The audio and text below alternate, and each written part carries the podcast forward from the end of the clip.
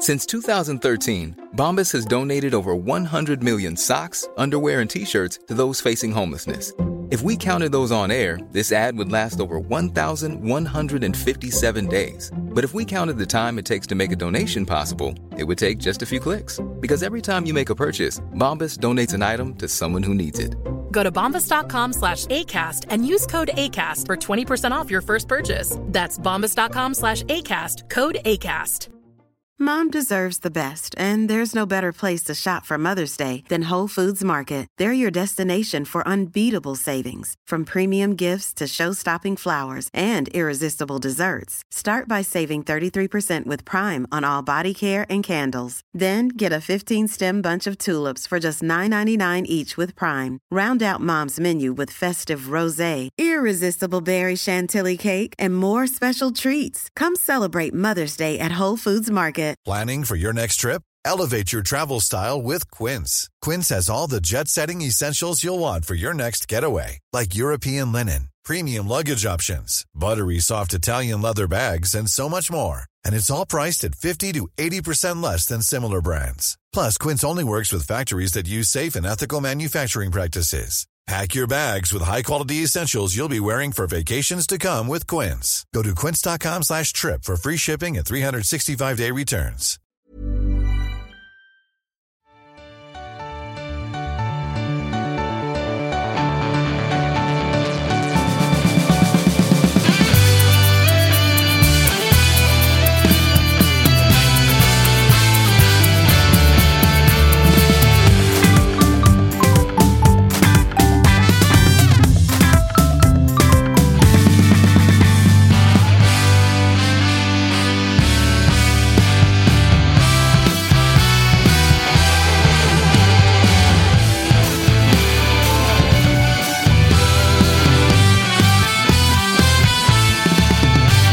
Till ett nytt avsnitt av Toto-svenskan. Det är onsdag den 5 juli och nu har samtliga lag i allsvenskan fått eh, återstarta i och med att vi stängde omgången i måndag. Så till att börja med, om vi struntar i det, Kalle Råstedt, så får vi säga stort grattis.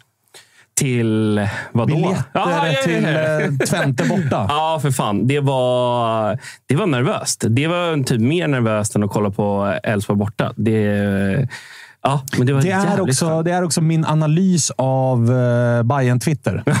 Att alla har bara släppt fokus på sportsliga resultat. Nu handlar bara allt om vilka som har fått och vilka som inte har fått biljetter. Ja, det var, det var riktigt eh, nervöst, men jävligt skönt att ha löst den. Men det känns ju som att det kommer eh, komma fler och jag tror att det var om det var Flibben som la ut att de jobbar på att få att eh, var det, Twente vill ha fler biljetter till SÖS. Så, och för att få det så måste de släppa fler biljetter till oss. Oj, jag hoppas. Att det, ja, lyckades inte Djurgården med det förra året? Att de löste fler biljetter? Jag tror det. Eh, och jag hoppas att vi eh, gör också det, för det är riktigt många som vill åka ner. Marcus Tapper är här också. I vanlig jävla ordning. Ja, Bor ju här. ja, jag tror fan det numera. Eh, Men det är kul att se det här eh, Bayern utifrån. Att det är mycket det vi snackade om förra säsongen. Ju. Alltså när man har kommit så långt i det sportsliga mörkret att man helt släppt sporten och bara vill ha kul. Ja, ja. Eh, Och jag är liksom är fint. avundsjuk på att vara i det läget och då ha en Europaresa också. Det är ju Ja. fan eh, kanon ju. Väldigt eh, avundsjuk på er. Och jag sa ju det när vi drog igång sändningen, att jag är otroligt avundsjuk på att Bayern har i sin identitet en sägning som är skit i tabellen, Bayern bäst ändå. Alltså i AIK ser vi alltid det här, ja, men vi, ska, vi, vi ska alltid gå för guld och så, du vet, det, nu är det ju bara mörker.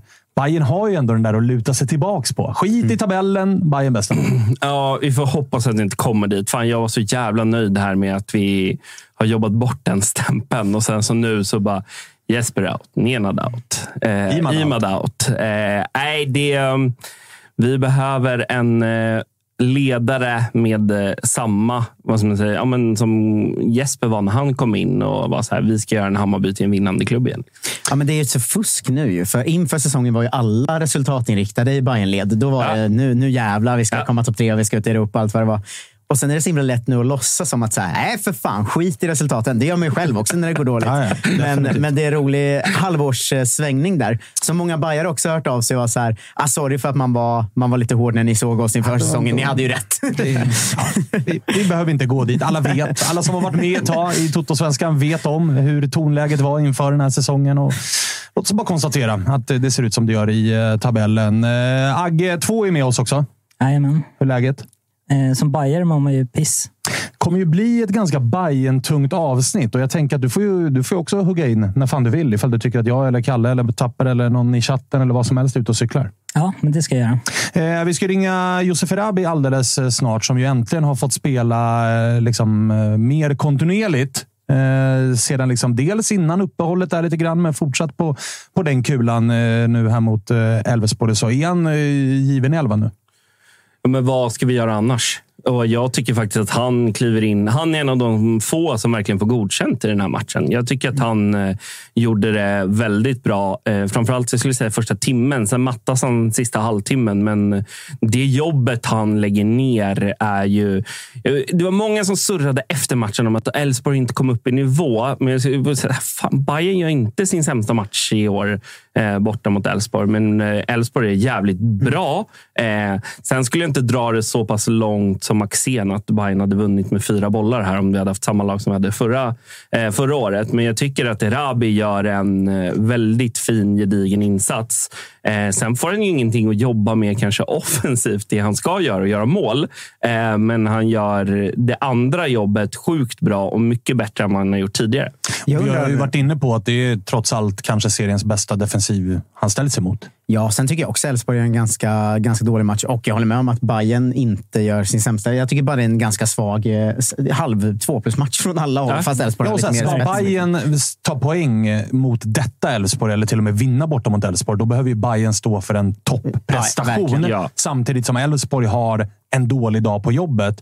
Nu har Elfsborg bara en okej dag på jobbet och Bayern kommer upp i en hyfsad nivå för att vara detta Bayern och då vinner Elfsborg med 2-0. Jag Det är undrar, så kraftförhållandena ser ut just nu mellan de två. Ja, men så är det ju. Men det kom ju fram i efterhand att Adi hade varit eh, lite halvskadad eller halvsjuk. Eller vad det axel. var. Någon Ja. axel. Eh, tror du att Erabi hade startat om Nalic var hel? För jag tänkte att det Nej. var en ganska skön grej för Cifuentes att Nalic var lite halvskadad. För han har inte sett så bra ut. Och då, då var han lite tvungen att starta med Erabi och då blir supporterna lite glada. Sen blev de inte så glada på Marti ändå av det här eh, resultatet. Men det var kanske, jag tror inte han hade startat om Nalic var hel.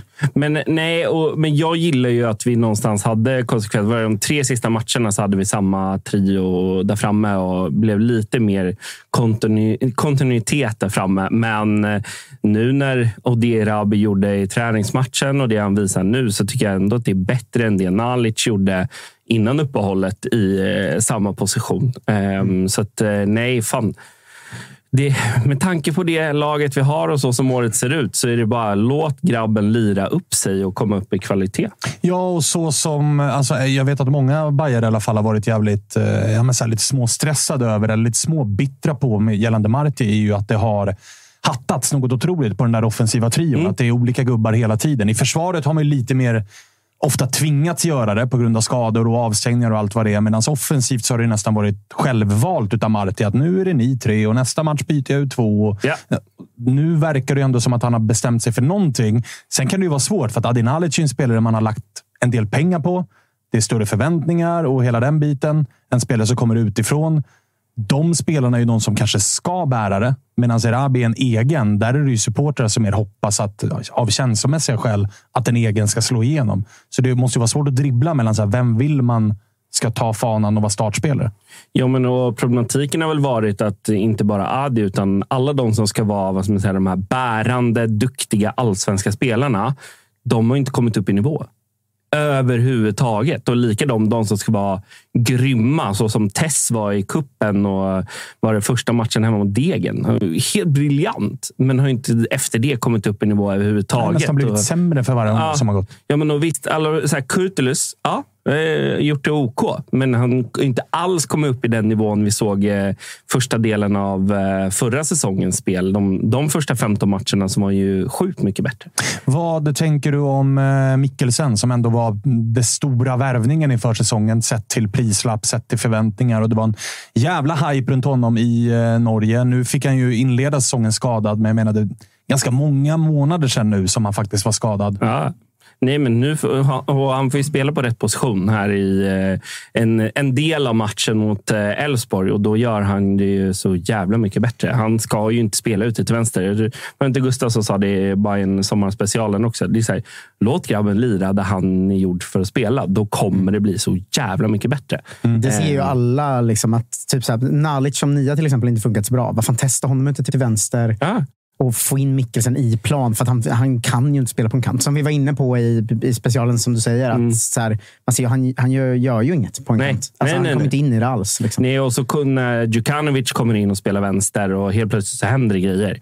Eh, det, alltså, Djukan... Han älskar ju han gå före Nalic där också. Så. Ja, ja, ja. Alltså, Djukanovic där ute, Mickisen där inne, de kan nog trolla på ganska fint. Alltså, Djukan... Han älskar ju han gå före Nalic där också. Så. Ja, ja, ja. Alltså, Djukanovic tillsammans som eh, eh, Mickisen får spela där. Men, och att vi har då... I... Så, så. Ja, nej, alltså, nej, han kommer inte in i det alls. Liksom. Nej, och så kunna Djukanovic kommer in och spelar vänster och helt plötsligt så händer det grejer. Eh, det, alltså, Djukan... Han älskar ju han går före Nalic där också. Så. Ja, ja, ja. Alltså, Djukanovic där ute, Mickisen där inne, de kan nog trolla på ganska fint tillsammans om eh, eh Mickisen får spela där. Men, och att vi har då Erabi där framme. Jag skulle nästan säga ja, men fan, putta ut Nalic ute på högen istället. Då, för mm. Det finns ju boll i han. Han är ju duktig, men vi måste, måste få ut det och han måste komma upp i nivå. Det finns en del att grubbla på. Ja, vi, snackade, vi, vi snackade idag, medan du började ringa Rabi, men att så här, vinterfönstren som gjorts i Stockholmsklubbarna snackade vi om i en chatt idag. Alltså Djurgården, AIK och Hammarbys. Mm. Och då när man bara sammanställde Hammarbys alltså utlista med Jas Bojanic, Ludvigsson, Sandberg, eh, Jeppe, Brischa och Magyar. Alltså de som försvann. Uh. Och de som kom in som är Strand, Kralj, Nalic, Tekke, Mikkelsen och Djukanovic. Alltså vilket i efterhand nedköpt det och då har de ändå gjort bäst fönster av de tre stora Stockholmslagen. Ah, ja. liksom, alltså. alltså Bayerns, AIK och Djurgården har ju stått för två rejält svaga fönster eh, mm. inför säsongen. Bayerns stora haverifönster får vi konstatera var förra sommaren. Mm. För de spelarna man värvade förra sommaren, tanken var ju, och allt surr då var ju så här, de här är för nästa säsong. Alltså Berisha kanske var lite mer att vi ska försöka spurta hem ett SM-guld, men resten av spelarna var ju så här, ingen av er ska nog gå in i en startelva nu. Ni ska in nästa. Och då pratar vi Concha, Vagic, eh, Saidi som han hette då, numera eh, Boda. Eh, vi snackar... Som väl fick opereras kom ut idag. Ja, ja precis. Eh, och vi snackar Pinas. Och det här han är, är borde bara... ändå gjort det ganska bra i vår, tycker jag. Ja, fast det är också sex starter, två assist. Mm. Och that's jo. it. Alltså, ja, men är det, det, ja, och han är alltså näst bästa värvning från förra sommaren. Det är ja, Pinas där. Resten, ah. Alltså Concha slutar med fotboll. Ja, Rischa är inte kvar. Vagic är, liksom, det är ut bakdörren. Alltså att Bayern och AIK har lyckats göra varsin storvärvning som har lagt av med fotboll. det är fan otroligt. Och ingen av dem ens... kan inte jämföra ingen storvärvning med Concha och nej, nej, nej, nej, men, men, att ingen av dem ens, eh, och ingen av dem ens fyllda 30. Nej. Men båda bara, nej fan det här, det här med fotboll, mm, det, det vill jag inte göra. Eh, vad tänkte du säga? För jag eh, håller på att eh, läsa tekniken. Nej men, det, nej, men det är ju som Pina som var briljant förra säsongen. Han har inte heller kommit upp i den nivån. Det är det som är... Alltså många pratar om att vi blev av med många i vintras. Absolut, men vi har ändå fortfarande väldigt många spelare kvar från förra säsongen som gjorde det fantastiskt bra under förra säsongen. Men de har inte kommit upp i nivå. Mm. Och då på det lyfta in alla de här nya, unga, eh, pot, ja, men som är hög potential i. Men när de inte får det utrymmet eller den framgången tillsammans med, dem, med den stommen. Ja, men, eh, titta bara på ja, men Nahir. Han är en skugga av det han var. Även fast han har gjort sju, eh, sju pinnar, så är det så här, ja, men, eller sju poäng, så är det han är fortfarande inte i närheten av lika bärande och duktig som han var i förra säsongen. Det är svårt det där om man ska tänka det som att det finns sparkapital eller som att det inte... Alltså jag, jag vet inte var ja, det men, står där ja, men det, måste, det, finns en mycket högre nivå mm. än det vi har sett hittills. Så skulle jag säga. Får vi någon kontakt? Eh, vi håller på att lösa det. Under tiden så kanske du har eh, någon annan eh, Bajen-spaning du vill ta upp, så ska jag försöka snickra ihop eh, ja, så mycket jag kan av detta. Jag kan slutföra det jag sa där. Då. För att mm. jag tänker att när man är i det här läget som Bayern är nu, att med, med sådana som Nahir och med Mikkelsen och Nalic och även Kurtulus och sådär. Man tänker ju att det finns sparkapital, att de kommer bli bättre. Det måste bara sätta sig. Mm. Men den tanken blir farligare och farligare ju längre säsongen går. Liksom. Alltså nu när man är vad är bara en 14 matcher in. Mm. Eh, då så är halva serien spelad i princip. Yeah. då kan man inte sitta och vänta på att ah, men snart kommer det lossna. Så jag tycker det, är lite prekärt läge nu. Alltså, Verkligen. Man, man, är inte heller på peta Nahir-sidan direkt. Nej, nej, nej, nej, han ska ingenstans. Nej. Eh, hörni, nu så har vi med oss eh, Rabi, hoppas jag. Funkar ljudet? Vart det tyst. Vart det tyst. vi testar igen. Hör oss? Testing, testing. Det är öppen Ett, träning två, på Årsta idag. Jag tror att det är därför. Det är för, ah, mycket, okay, det är för, för många uppkopplade på masterna, här på Årsta. Masterna går eh, varma ute på, uh, ute på Årsta. Vi får väl se ifall vi uh, får igång uh, ljudet med Erabi. Vi ser honom i alla fall och det är ju trevligt. Mm. Det är trevligt. Vi ska bara nu så, nu. nu så verkar vi höra dig. Hör du oss? Hör. Härligt, härligt. Hur är läget? Det är bra tack. Det är bra tack. Själv då? Det är bra. Vi sitter och snackar eh, Bayern och matchen mot Elfsborg och eh, lite annat. Och vi kan väl börja i den änden. Hur har ni analyserat eh, matchen mot Elfsborg så här i efterhand? Uh, nej, men det är som, som, som, det, som ni såg på matchen. Det var de målen de gör. Det är väldigt onödiga mål. Vi släpper in dem i matchen.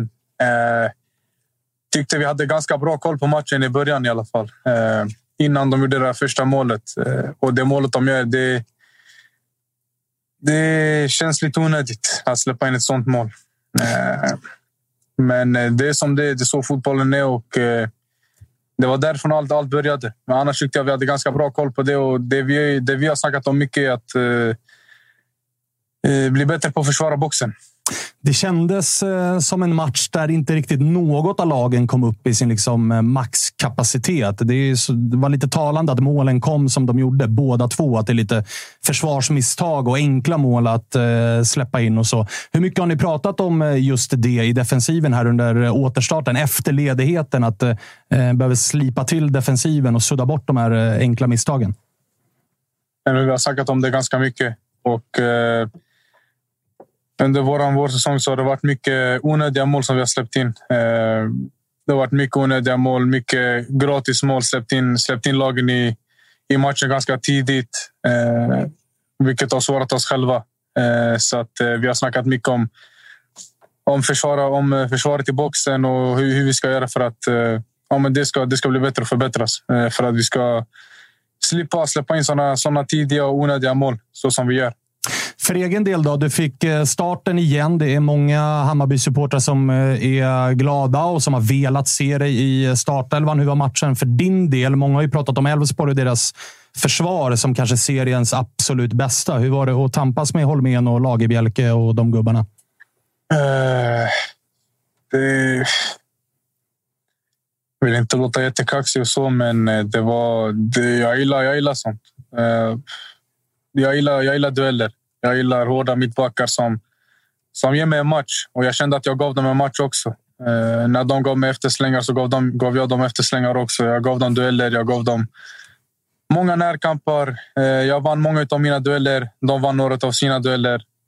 Jag gillar sånt. Eh, för mig spelar det ingen roll vilka jag möter, vilka mittbackar jag möter. För mig är alla samma. Eh, det enda jag tänker på är att jag ska göra mitt bästa och köra över dem. Och, eh, ju mer, jag får, ju mer jag får spela och ju mer jag kommer in i det så tror jag det, det, kommer, det kommer att bli bättre och bättre. Men jag kände att det var ett steg i, i rätt spår i alla fall. Så att, eh, det kändes, det kändes bra. Samarbetet då med eh, dina två kompanjoner där uppe på topp, Mikkelsen och Majed den här matchen. Hur eh, kändes det? För det har ju varit en snackis i Bayernled under den här våren i alla fall, att det inte har varit så kontinuitet i offensiva led. Att Marti har bytt väldigt mycket i den där offensiva trion. Hur kände, hur kände du när du fick eh, de här två bredvid dig och ert samarbete?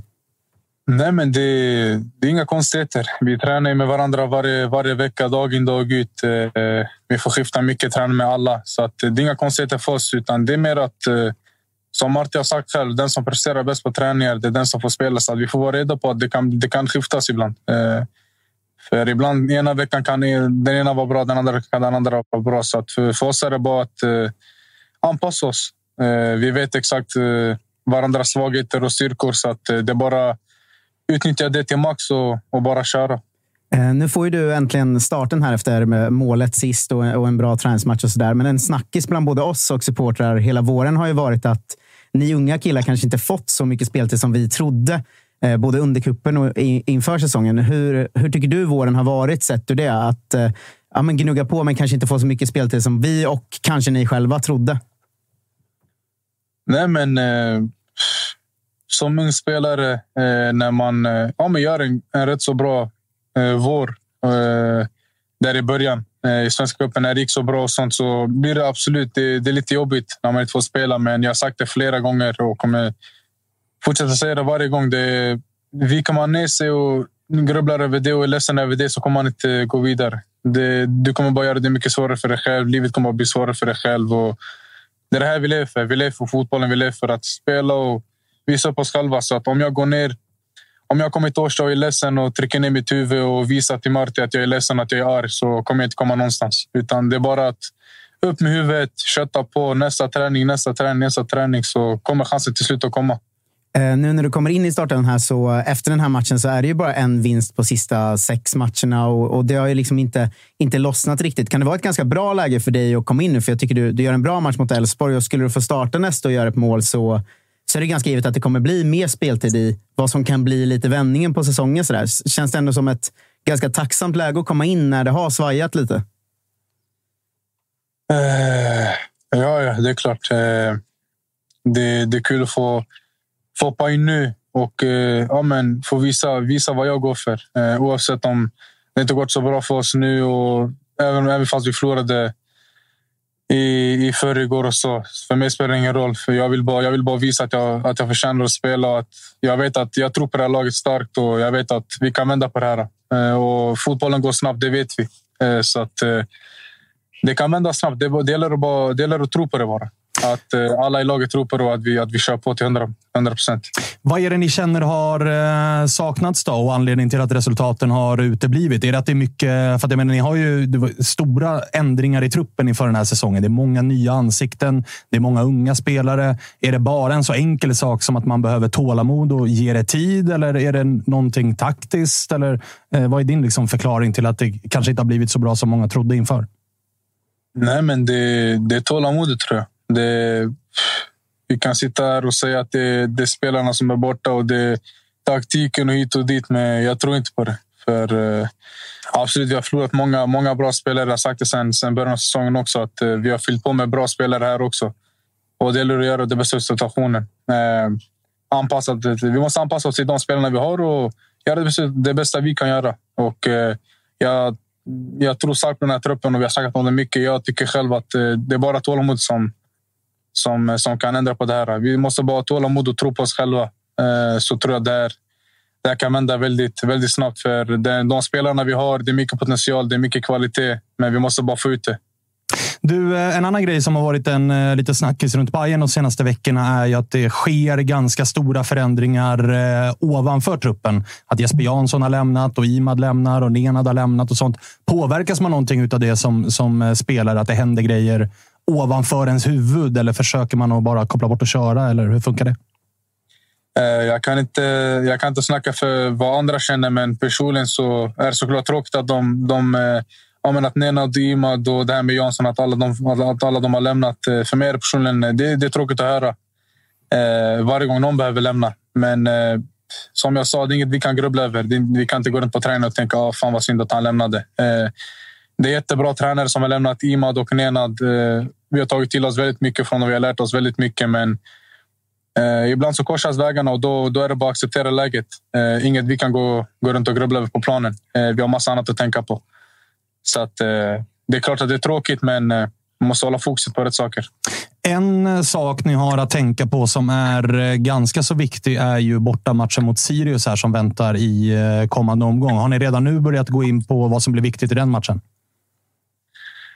Eh, uh, än så har vi idag vår första träning så det varit ett återhämtningspass. Så att det har inte varit så mycket snack om det. Det har bara varit att eh, ja, men vi ska återhämta oss på bästa sättet, bästa möjliga sätt. Och, eh, de som inte har fått spela mycket, träna hårt och få igång lite, lite tempo i kroppen. Så att, eh, vi har inte kollat så mycket på det än. Eh, men det kommer nog eh, det kommer såklart under veckan. Men lite av en måste-match ändå för dig ju. Självklart, självklart. Varje match är en måste-match. Eh, men nu är Sirius på tur, så att, eh, det är fullt fokus på den. Eh, jag tänkte avsluta med en fråga som inte har så mycket med fotboll att göra, men okay. bayern relaterad Vi har ju vår kompis i Hammarby, Isak Wahlberg, som kommer in här på fredag för övrigt, som jag vet att du ja, men, känner lite sådär. Jag vet att han har lite privat pratat om sig själv som att han har en superkropp. Skulle du säga att du är lite orolig att Isak Wahlberg kan gå om dig kroppsligt, eller, eller hur ser du på den situationen? Isak, Isak, den lilla jäveln alltså. Eh, nej, men han... Eh, det, det, ser, det ser bra ut. Fan, det ser bra ut. Eh, alltså, han har lång väg att gå, men eh, jag tror på honom starkt. Jag tror på honom starkt. Han har lång väg. Han får sitta bar Iber här på fredag när han kommer på besök. Flexa lite grann. Får vi se. Kanske vi kan köra någon head-to-head ute på Årsta mellan Isak och, och Erabi. Det hade varit kul. Det hade varit kul. Den hade du. Jag hade lagt mina pengar på dig i alla fall, det kan jag säga. Man vet aldrig. Du, eh, stort tack då för att vi fick eh, ringa och lycka till mot Sirius. Tack själv. Tack själva. Ha det fint. Ciao. Ciao. Ciao, ciao. Känns eh, obrydd. Han är ju så himla liksom 18-årig på många Jag sätt. ska bara liksom. köra. Ja. In och kör. Nästa träning, nästa match, nästa duell. Ge mig varenda mittback du har, ska jag äta upp honom och hela den biten. Ja, men så var det när vi hade med honom inför säsongen också. Att när vi frågade så här, fan, du, du har kommit tillbaka. Det har varit en snackis lite att du kommit tillbaka så otroligt vältränad efter vintern. Och Han så, "Ah, jag har ju alltid sett ut. Mm. Så- Sen såg man den här videon tillsammans med hans pappa och då förstår man helt plötsligt var Ja, men de generna kommer ifrån. sen förskolan. Man bara, okej. Otroligt. Men, eh, men eh, du, Kalle, ifall vi, eh, vi har pratat Erabi, vi har pratat insatser mot Elfsborg och sådär. Sen du var med senast och vi pratade om, det var ju en liten snackis att vi hade en diskussion om så här, eh, det var ju Tapper med också i det avsnittet när vi pratade om så här, ersätta en sportchef och hur lätt är det och eh, Där och då så såg ju Bayern ut att bara tappa Jesper Jansson. Det har ju hänt en del sedan dess med Imad och Nenad och Eh, hela den biten. Hur, hur har liksom läget, har dina tankar kring Bayerns eh, sportsliga organisation och förutsättningar framåt förändrats någonting av det som har hänt de senaste ja, vad är det, två veckorna? Typ? Ja, men det hade varit jättekonstigt om det inte. Alltså, speciellt när vi har ja, men Imad som har varit så länge i klubben. Alltså, Nenad trodde man ju skulle sticka i samband med att Milos drog i och med att det var Milos gubbe. Liksom. Eh, men, ja, men om man tittar på de tappen så eh, absolut, det blir en jättestor skillnad. Men sen så ryktas det ju nu om eh, von Heine, eh, att han ska komma in och det kommer ju bli en förstärkning. Men vi måste ha in en stark gubbe. Alltså en, ja, Jesper Jansson 2.0. Eh, och det Alltså, Hjelmberg kom- känns ju som en perfekt chefscout, men frågan är om man har auktoriteten som ändå krävs för att vara en sportchef. Det blir ju en prövning här under sommaren kanske och, och man får känna lite grann på det i alla fall. Ja, men och sen så det surret som har gått om att vi ska göra om den eh, sportsliga ledningen. Att det ska bli det här, men ett råd. Eller man säga. Det blir mer, ännu mer processstyrt och eh, min, mer klubbstyrt och mindre personberoende. Ehm, vilket säkert har sina fördelar, men här och nu är absolut. Det är inte samma känsla som eh, när vi surrade sist. Även fast jag tror att eh, våran, de plockar upp P19-tränaren och ska ta över HTFF. Och han har gjort ett magiskt jobb med P19. Det är bara att titta på resultaten de senaste säsongerna så ser man det. Men det är ju återigen, som Tappa var inne på tidigare, de spelarna vi tappade i vinter och ledare och så vidare. Och där har ju Imad varit Eh, alltså inte bara som ja, men, tränare, utan att han har varit här som spelare och vet hur... Ja, men, det här klassiska kan-klubben. Ja, Han har ju verkligen lärt sig Bayern. Eh, och, nej, det eh, är inte alls lika trygg och säker som jag var för eh, några veckor sedan. Absolut inte. Men det är roligt där, att för, för jag hävdade ju också att jag tyckte att liksom, Bayern var på en lite stabilare plats än AIK var förra vintern. Eh, och då var det ju mycket det att så här, ja, men HTFF är på plats och de, det är egentligen bara två som ska bytas ut här. Men sen dess har ju faktiskt två till försvunnit och det blir ju skakigare och skakigare. Såklart att jag förstår ju oron som växer där. Och, eh, Alltså det, det är intressant att följa, följa det parallella. För jag följer ju lite som damfotbollen också. Och där är ju Bayern liksom kända för att hela vägen har det så jävla bra struktur just nu. Samtidigt som, kolla vad som hänt i herrarna senaste året. Det är ju knappt en spelare eller ledare eller någon kvar nu. På sen ett år känns det ju som. Ja, men- eh, om, man, om man ska vara slarvig. Liksom. Eh, så att det är klart att det är, en, det är en orolig punkt för Bayern och det måste hända mycket i sommar. Och folk börjar vara Marti out, men vad fan, kan ju inte sparka Nej. honom nu när inget annat finns på plats. Liksom. Alltså, det känns rörigt Ja, i det är Bayern nu. lite, alltså, tränarfrågan är ju lite i en rävsax i Bayern. Ja. För att det är så mycket annat som brinner. Ja, men den är, eh, som brinner, jag skulle säga den är sekundär. För att vi måste ju få in en sportchef, eller ja, vad det nu blir för eh, person som ska leda det sportsliga Ja, framåt. annars hamnar ni ju i AIK-situationen. Ja, ja, att vi- vi byter tränare Ja. och så efter det kommer en sportchef eller någon som är chef över rådet Ja. eller vad det nu blir som bara, vänta nu, det här är inte min tränare. Nej. Så att, och resultaten är så pass svaga så att jag kan byta tränare igen. Det blir märkligt. Liksom. Ja, å andra sidan kan man ju hävda att den vägen som Bayern pratar om att ska gå med mer processstyrt, att det inte ska vara individberoende, så borde vi rent krasst kunna också plocka in en tränare som ska passa Bayern, även fast det inte är den, ja, men den tillträdande sportchefens gubbe.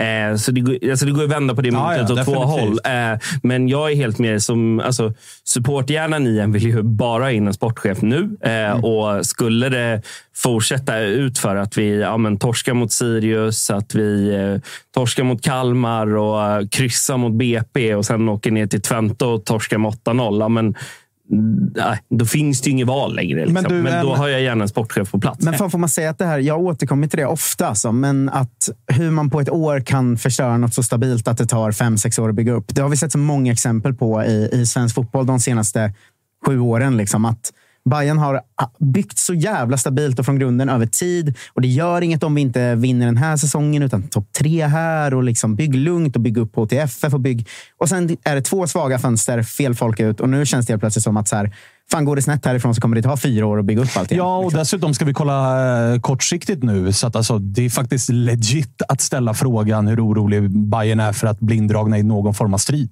En match mer spelad. Om AIK vinner eh, men sin här, hängmatch är AIK tre poäng Ja, men så efter. här, torskar man, exakt. Om AIK vinner sin hängmatch så är AIK tre poäng efter. Om Sirius rent av skulle spöa Bayern hemma på Studenternas på, eller nu i helgen, där det är, då är alltså Sirius förbi Bayern med en match mindre spelad. Värnamo är en poäng bakom och en match mindre spelad. Alltså, då pratar vi, vi pratar ju Bayern på liksom en, en tolfte plats, tre poäng ner till kval. Ja, men jag, där, där är jag inte orolig. Jag säger som Gustav, alltså så här, det kommer inte bli neddragning i. Och tittar man på våra trumfkort, som, alltså vi har sju av nio hemmamatcher eh, från september.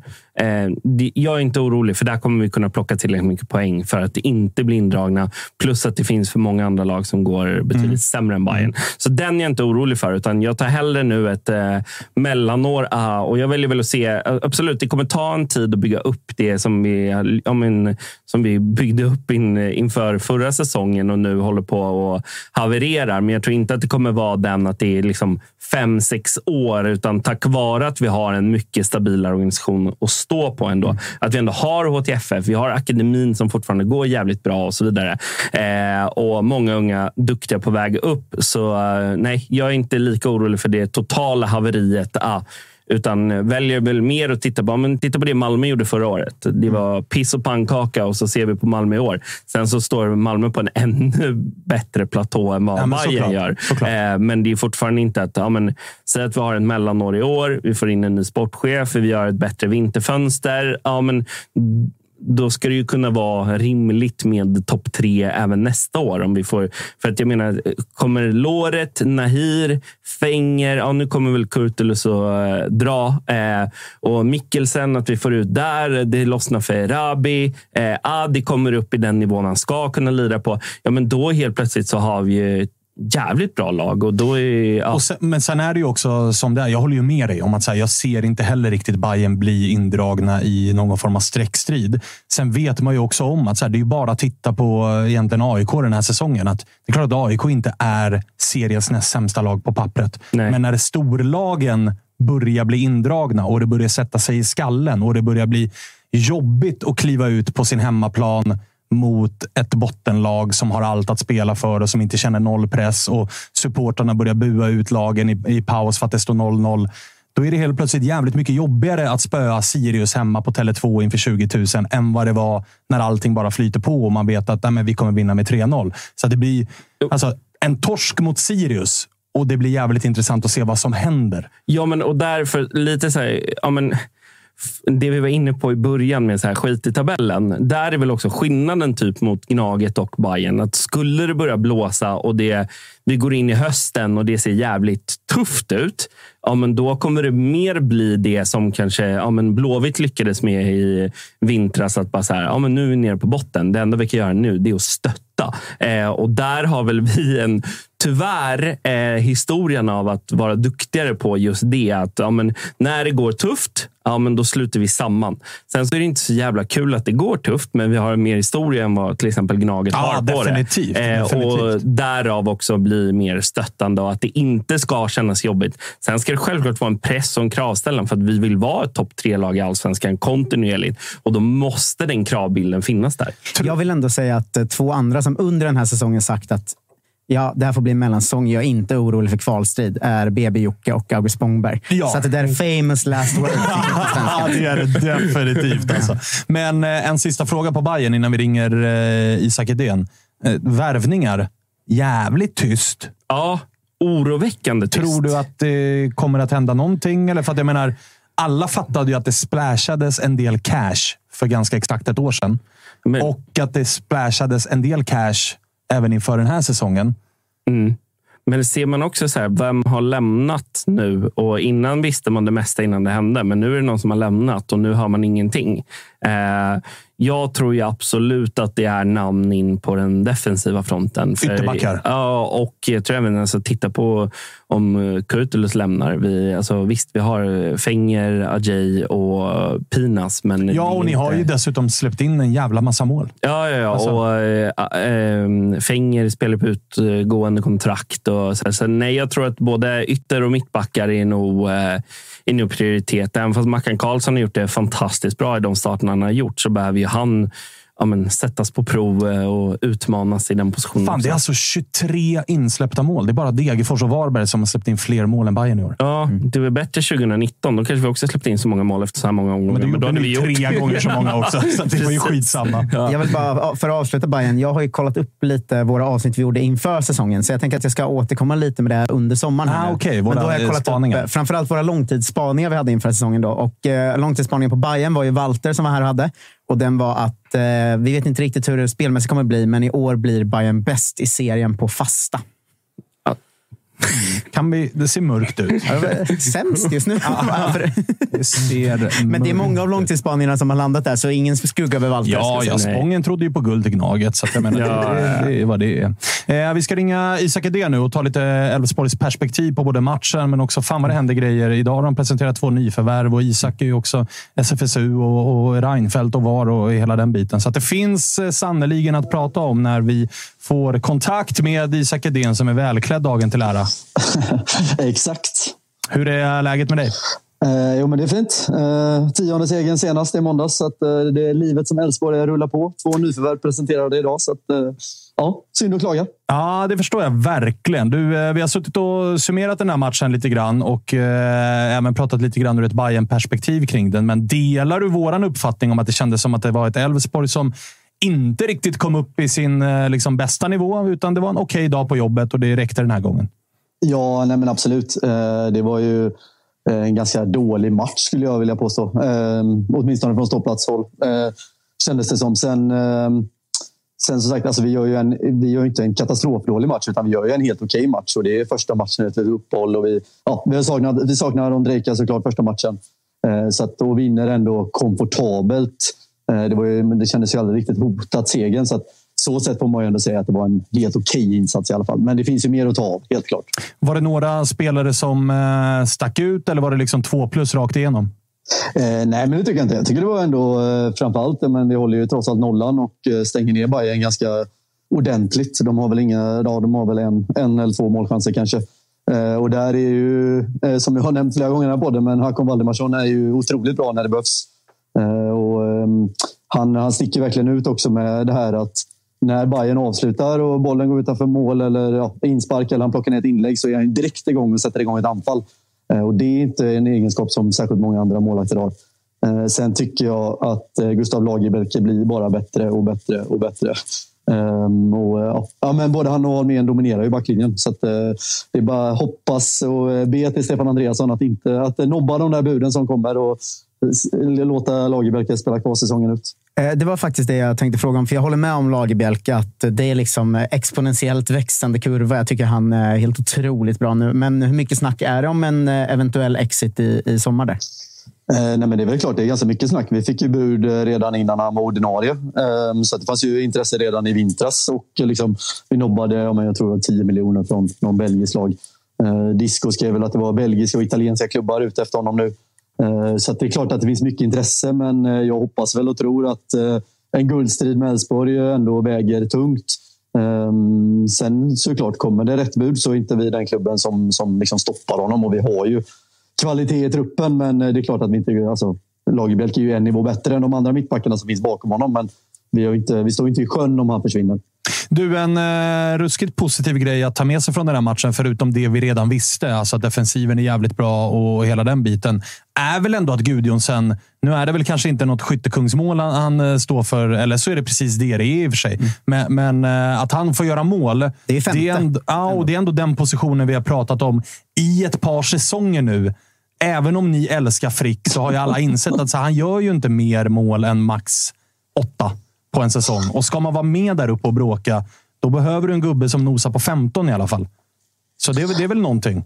Ja, och jag tycker dessutom han gör kanske sin bästa match för säsongen i liksom helhetsbilden med liksom pressspel och löpningar. Sen tar han ju slut lite sista 20. Um, ehm, sådär. Men uh, absolut, han gör en väldigt stark insats. Och jag pratade faktiskt med Patrik innan matchen. Han var på ståplats innan matchen.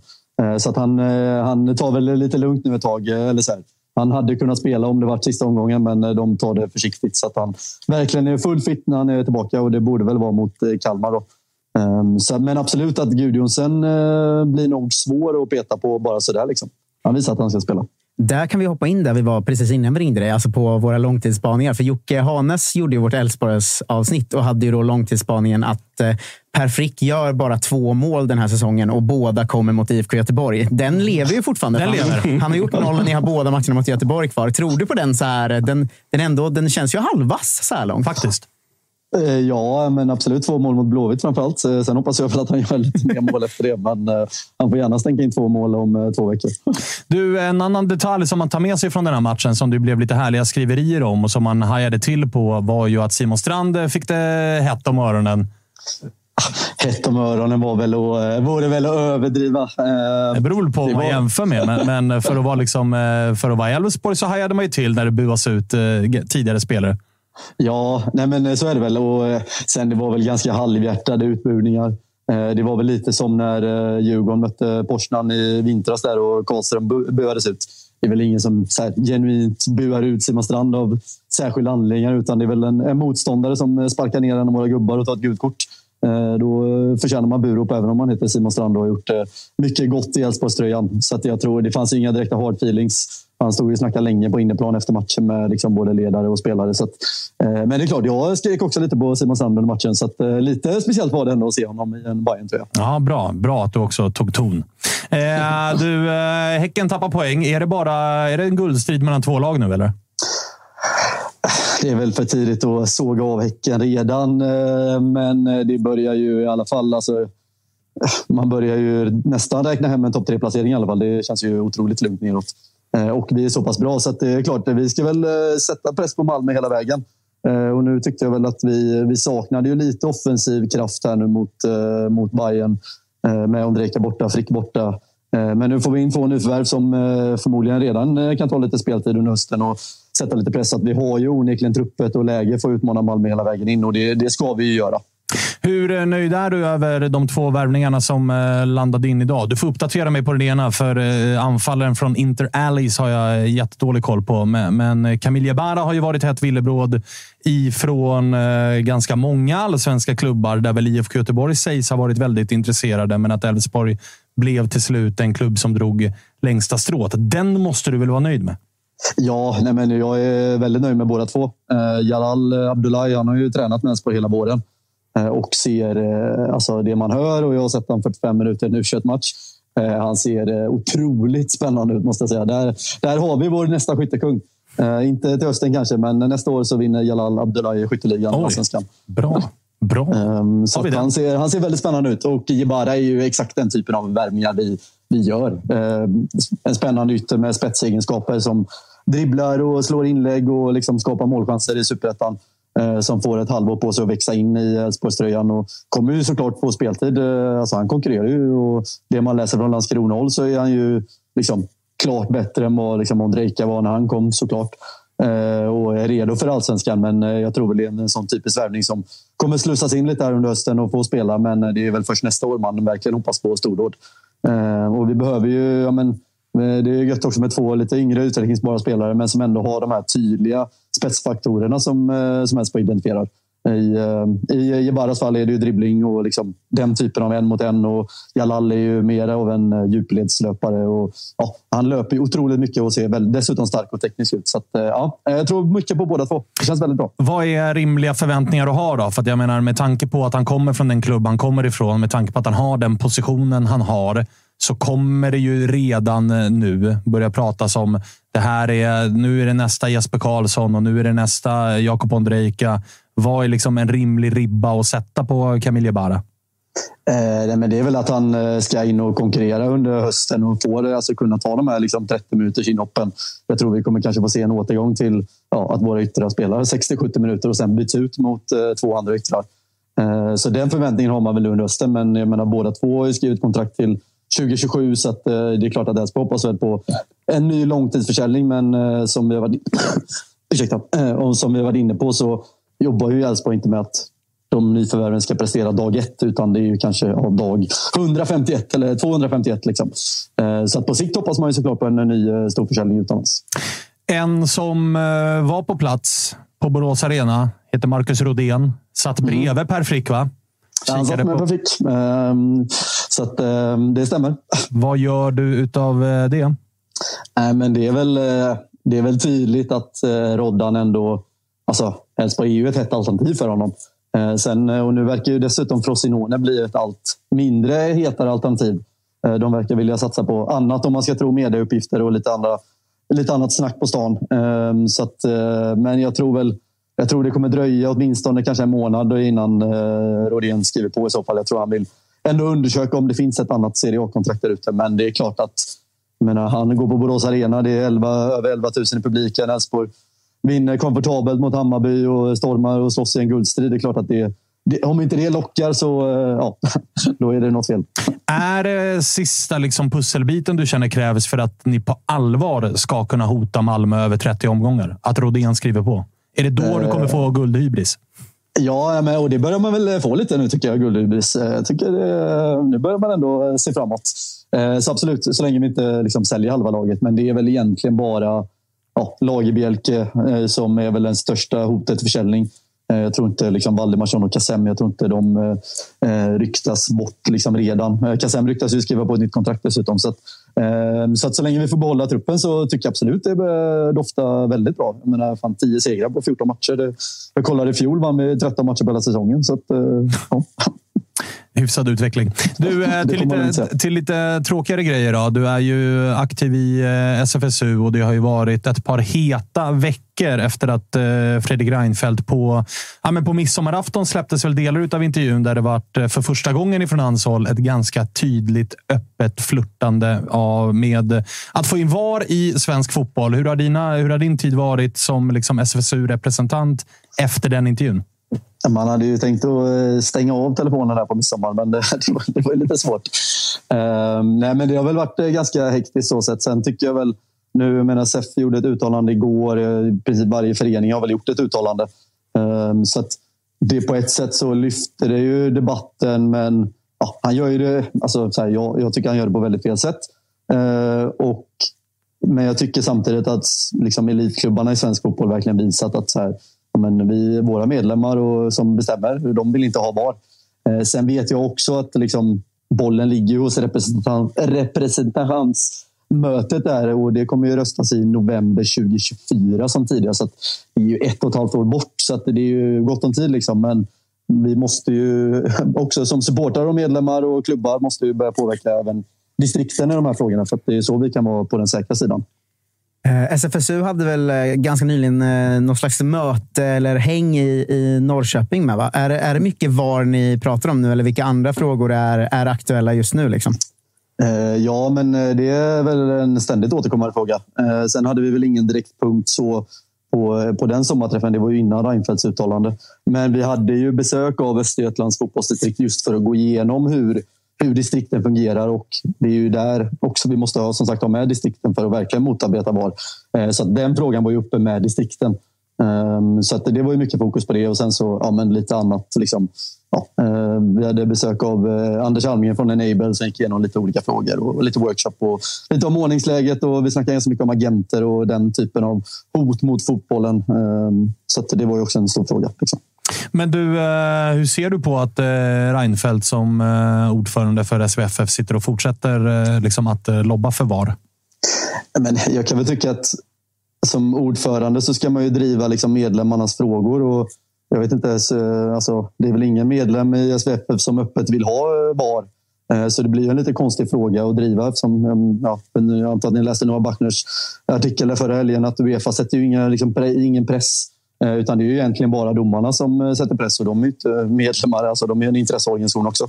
Eh, så det är lite konstigt. Sen får ju såklart Reinfeldt tycka exakt vad han vill. Eh, men det är ju medlemmarna som bestämmer de här frågorna i svensk fotboll. Fan, där, där är man... Alltså vad trött man är på domarna nu. Alltså, jag är så herregud, jävla trött alltså. på domarna. Herregud. De är ja, det är liksom så här, och de driver den här frågan. över svensk fotboll? Alltså, ja, det, är, alltså, det är allas det är argument. Typ. Liksom. Då, så de ska få döma stora matcher. Samtidigt varenda vecka är det någon svensk som dömer hela U21-final i Champions League. Eller, alltså, ah, ja. De gör ju det ändå. Jag tycker att domarna ska sätta sig ner och hålla käften när det ja, gäller VAR. Alltså. Jag är så jävla trött på dem. Jag säger inte emot dig. Förlåt att jag inte men, men, men, men äh, Isak, med tanke på att det här fortsätter att komma upp och fortsätter att vara ett ämne. Bör man som eh, supporter och VAR-motståndare ändå känna någon form av oro inför det där mötet som är ett och ett halvt år bort. Jag menar, tiden tickar. Det lobbas av en anledning. Alltså, du är med på vart jag vill komma. Finns det en oro liksom ifrån SFSU att man kan bli överkörda i de här frågorna? Eller hur känner du? Ja, men det är klart. Alltså, skulle vi slappna av och bara låta frågan dö så skulle den ju, är det ju lättare att den kör, alltså, drivs igenom. Um, så att man måste ju verkligen vara på tårna. Och, Eh, nu var det ju många mer, alltså, supportrar som hörde av sig till sina föreningar och det är verkligen en uppmaning att ni som har årsmötesbeslut att ja, men det, se till så att de också verkställs och inte bara är på ett papper. Liksom.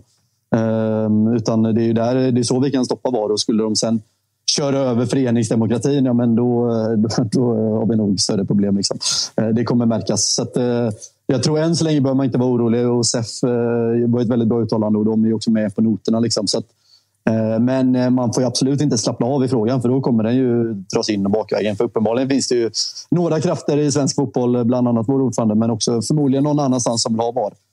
Och då måste man ju mota i grind, så att säga. Mm, och där vill jag vara, liksom bara uppmärksamma alla om att när de skickar in sina motioner och liknande till sina klubbar, se till att få med att klubben aktivt ska motarbeta. Det är någonting mm. annat än att bara rösta nej mm. när frågan väl kommer upp. Utan aktivt motarbeta. Då behöver ju faktiskt klubbarna agera så som de... Det tog visserligen lite tid. Marcus Tapper låg på. Du gjorde ju ditt. Liksom, och, ja, men liksom, Peking var sen först Peking ut. var sen först ut. Ja, så att hatten av till dig. Jag vill ge den till dig, Marcus Tapper. Nej, det ger den mer till andra, men vi var ett gäng som tjatade jo, jo, men du sitter ju här.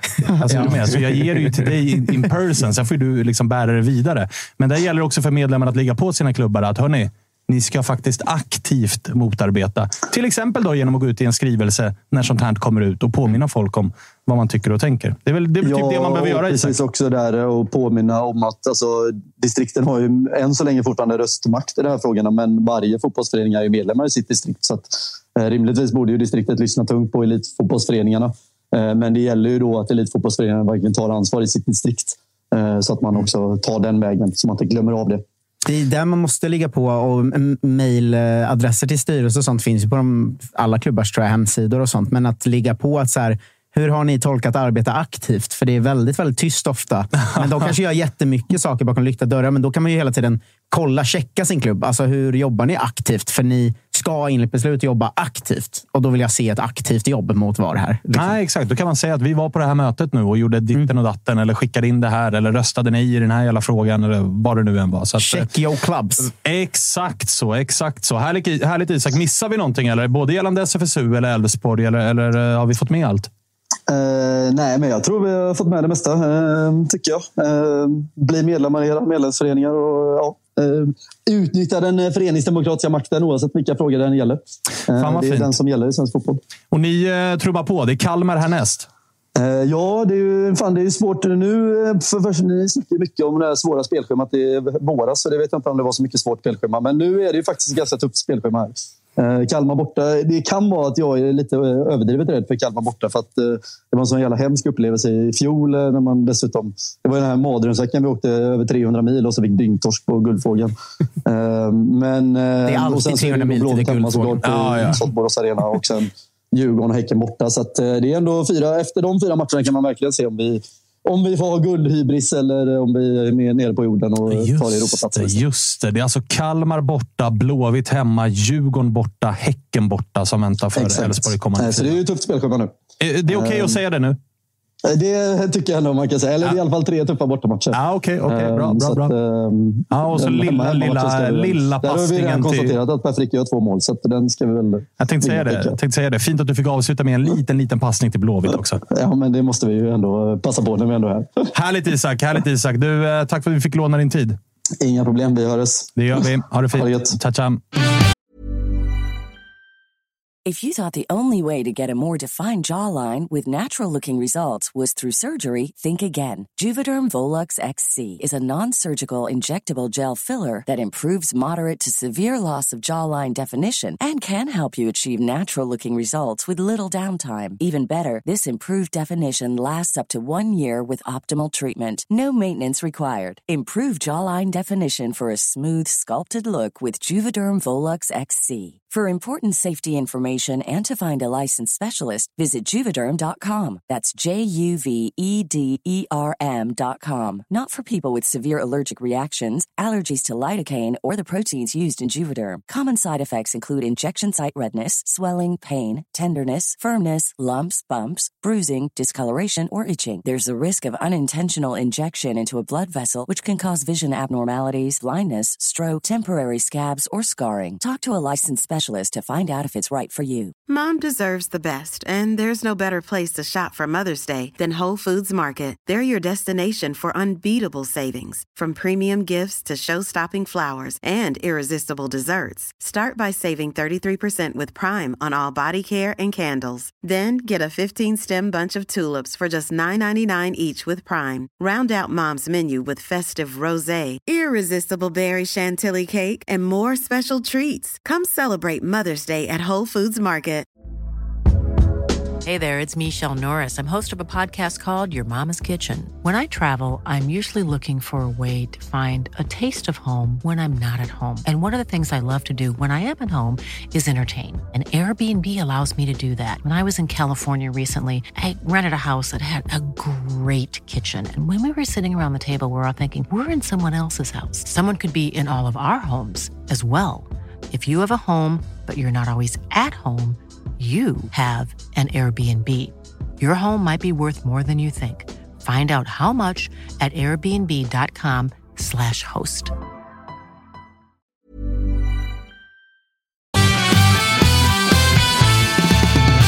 Tuttosvenskan är sponsrade av Lyko. Eh, där hittar man över 60 000 hud, hår, doftvårdsprodukter. Eh, ni som tittar på programmet i videoform ser ju, har ju sett en utveckling på mitt hår sedan vi började bli sponsrade av Lyko. Jag såg ut som en eh, hemlös man med en risig frisyr för någon månad sedan. Nu ser jag ut som en hemlös man med en väldigt snygg frisyr. eh, så, så kan man bli om man går in på Lyko och klickar hem. Torr, torrschampot är mitt stora tips nu i sommar eh, när man är svettig och ser för jävlig ut hela tiden. Eh, man kan hitta Krastas heter det jag har, eh, torrschampot. Det, det, det tipsar jag om. Eh, snabba leveranser och eh, hur mycket produkter som helst. Så gå in på lyko.com. Eh, tack så mycket Lyko. Var det ett krav från Lyko för att göra samarbetet att du skulle fixa frillan inför inför samarbetet? Nej, men det var faktiskt att jag kom hem och så sa jag så här, vi är sponsrade av Lyko nu och då sa min tjej, men då är det ett jättebra läge att ta tag i det där. liksom. eh, sen har jag gjort det. Bra jobbat. Fint. Eh, hörni, det är ju eh, silly season. Hur imponerade blev ni över att Elfsborg fortsätter att göra liksom, den här typen? Det kommer ju alltid liksom, en ung afrikansk spelare som man vet bara att det är klart att Elfsborg kommer pricka rätt på den här gubben. Och så kommer det någon sån här ung talang troligtvis ytterback eller offensiv yttermittfältare. Som har ryktats till tre andra klubbar där åtminstone en av dem har ett, liksom, ett större CV. Större storklubb än Elfsborg. Men de väljer ändå alltid Elfsborg. Och man vet att det här kommer bli hur bra som helst. Ja, jag, jag skrev det idag när vi, när vi la ut att Jebara var klar. Typ, att nu börjar man faktiskt bli trött på Elfsborg. för att man känner, motsatsen mot många av de andra klubbarna vi pratar om, men man känner att de bara fortsätter göra allt rätt och det är så långsiktigt och man vet att de genuint de, de, även om de skulle ha guldchans i omgång 30, det gör inget för dem om de kommer tvåa. För de fattar att man bygger saker över tid. Och så ska man komma topp tre varje säsong och börja gå ut i Europa och fortsätta värva de bästa 18-åringarna. Och så här, de gör ju allt rätt och det stör man sig på eftersom alla andra klubbar gör allt fel hela tiden. eh, så att, eh, de, de gör väl jättebra saker och Jebara kommer väl, kanske inte direkt heller, men inom ett år vara hur bra som helst där. Så, så som alla är. Liksom. Vad tänker ni kring eh, Djurgården då? För att jag menar, jämfört med ditt eh, kära Bayern så får man ju säga att Djurgården har lagt sig i någon form av vänsterfil här de senaste dagarna. Både in och ut. Att Edvardsen följdes upp med Elias Andersson. Som av någon märklig anledning liksom är klar och presenterad för Lech Poznan. Men ska spela två matcher till i Djurgården. Ja, det är jättemärkligt. Otroligt märkligt. Mm. Är inte det? Ja, för det brukar ju verkligen vara eh, ett no-no på det. För att han ja. kan dra på sig en skada. Exakt. Eller, eller sådär. Så det, det är ju, man och jag menar, fönstret öppnar ju dessutom på lördag. Ja. Alltså, då är det öppet och klart. Men han ska ändå vara kvar två matcher till. Ja, för det är ingen Europamatch eller så heller ju. Utan det är två vanliga allsvenska Två vanliga allsvenska omgångar ska spelas och Elias Andersson är uttagningsbar i truppen. Ja, men, men man, han har vinkat mm. adjöss och presenterats som Lech Poznan-spelare men ska spela två matcher till. Man har typ inte sett det förut.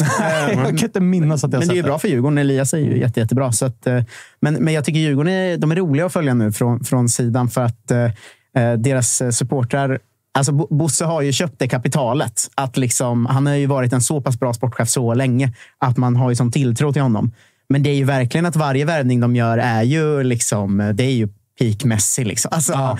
Varenda värvning som kommer in är ju det, det, är Spiders och det är vrål och det är nu jävlar, det är På, påminner, lite, mm. påminner lite om, eh, alltså på tal om att ha köpt sig kapital, mm. påminner lite om en annan klubb som har samma hemmaarena där andra utifrån kanske skruvade lite grann på sig gällande vissa värvningar. Men det var guld och de var grymma och det här kommer bli hur bra som helst och det är långsiktigt. Och så blev det inte så bra. För jag menar, mm. nu ett, visst, man ska inte döma ut alla värvningar efter ett halvår. Men efter ett halvår får vi ändå konstatera att Djurgårdens vinterfönster var eh, riktigt svagt. Ja, alltså, sen alltså, får Oliver, man Oliver, Berg gjort, Oliver Berg har gjort två straffmål. Jo, men alla vi fattar att Oliver Berg kanske gör åtta poäng i höst och är jättebra nästa ja, säsong. Men, men, här och nu. Liksom. Men, men jag tror också att så här, det är klart han uh, Musa som de får in nu, han kan ju vara hur bra som helst. Men jag älskar självförtroendet Djurgårdssupportrarna Ren har. Att så här, han går för 100 millar i vinter och han vinner skytteligan. liksom, ja, att kunna ha den tilltron till en sportchef han har ju förtjänat det, Bosse också. Men ah, ja, ja. Man, man, man, är ju avundsjuk på det. Men Bosse är väl i det läget nu att han måste göra ett bra sommarfönster eftersom han gjorde ett dåligt vinterfönster. Det får inte bli två i rad. Det får ju aldrig bli det. Det är vår slutsats från hela Exakt. den här våren. Liksom. Det får inte um, bli ehm. två i rad. Och Det intressanta med det här sommarfönstret är ju att han går utanför mallen. Vi pratade om det senast mm. med Freddy. Att det har ju varit väldigt mycket spelare som man har ganska så bra koll på som ansluter till Djurgården. Det har varit svenska spelare eller det har varit nordiska spelare. De har kommit från superettan eller mindre klubbar i allsvenskan och man vet lite grann. Det här får man. Nu är det ju det är Felix Va och det är någon som jag fortfarande inte riktigt har satt namnet på. Eh, Musa. Här. Musa, ja. Precis. Jag vill bara tapper skulle säga det. Men det här är väl det är deras... roligare på hans dialekt. men det här är väl deras försök att gå på nästa hylla. Det kan ja, inte vara något annat. Alltså, men eh, det är precis som du säger alltså, som Bajen-supporter hoppas vi självklart att det här går käpprätt också. Att det, börjar, ja, att det börjar svaja så att vi har ja, nästa år totalt haveri i Stockholm och BP blir bäst på riktigt. Då, då blir det kul. Nej, men alltså, Ode Falk, den värvningen är ju jätteglad för Ode Falk att han får gå tillbaka till BP. Men det är en vad tänkte de med? Fast Var... där är jag, har jag ändå, efter att ha tänkt på det, landat i att det nästan är plus minus noll. För de betalar inte så mycket för Han var ju ett paket med Bergvall. Att det gjorde inte så mycket att de landade fel på Odefalk. Då tycker jag snarare Oliver Berg och eh, Gracia är de stora plumparna. Liksom. Ja, ja, och, ja. Den helt onödiga värvningen av Jakob Bergström som vi återkommer till. Vad var ja. det för någonting? Ja, jättekonstigt. Liksom. Eh, så att, så, så Odefalk-grejen, man ska inte vara för floppstämplande på det heller, för att jag tror inte de går så jävla mycket minus på det. Alltså, det är vad det är. Det är verkligen vad det är. Jag tycker Ja. Josip beskrev både Odefalk och eh, Theo, heter han va, Bergvall. Mm. Alltså att de två, det är lite cykel på köpet för att man ville ha Lukas Bergvall. Och så var det liksom, de här två följer med. Ja, okej då. Det var cykel på köpet. Jo, men det är ju så. Alltså, AIK gjorde ju en sån eh, när AIK vann guld 2009, va? Var det då? När man plockade eh, sommaren innan, Ivan Obolo. Och så fick Mm. man liksom... ah, Just det, det kommer en till gubbe här som heter Lukas Valdemarin. Mm. Sen hade ju AIK flaxat. Den här Lukas Valdemarin var ju ganska bra. Det var ju så här, okej, fan, vad- fan nice. Han kunde ju också spela fotboll, men alla fattade ju någonstans att Ivan Obolo är den man vill ha, men han vill ha en polare. Så att, Ja. okej. Och nu Vi vill ju nu vill ju Lukas Bergvall är yngst av de här. Han vill ju ha med sig sina bästisar. Att det var Mm. liksom, vi hänger på gymnasiet och han är min brorsa. Så att, Vi har ju oss- samma nu, fast ingen av dem vet man om de är bra än. Men att vi ville ha talangen Peppra och de var så, då får ni fan ta Bollmång. Ja, exakt. Det så här, ta båda. Okej, ja, ja, men det känns som att det whatever. ganska ofta är så. Liksom. Eh, nej, men så här, de, här, de här kan ju landa jättebra. Det är ju liksom landslagsmeriterad 21-åring som gjort ganska mycket mål. Det är klart det kan gå skitbra. Liksom. Men, men man, man gillar att se liksom, självsäkerheten i värvningarna utifrån. För att det blir ju fallhöjd direkt. Fallhöjden blir ju mycket, mycket större. För att Mm. Fred, Freddy spekulerade väl idag om att så här, kan han bli såld i samma fönster? Alltså, kommer, det, det blir bara en och en halv månad. Alltså, är ni med? Då, då, då är hybrismätaren har ju slagit i taket. Liksom. Sen sa han det givetvis raljant, bara så att alla är med på att det var ett skämt. så. Men, men det är ju jävla uppsnackade värvningar, båda de här två.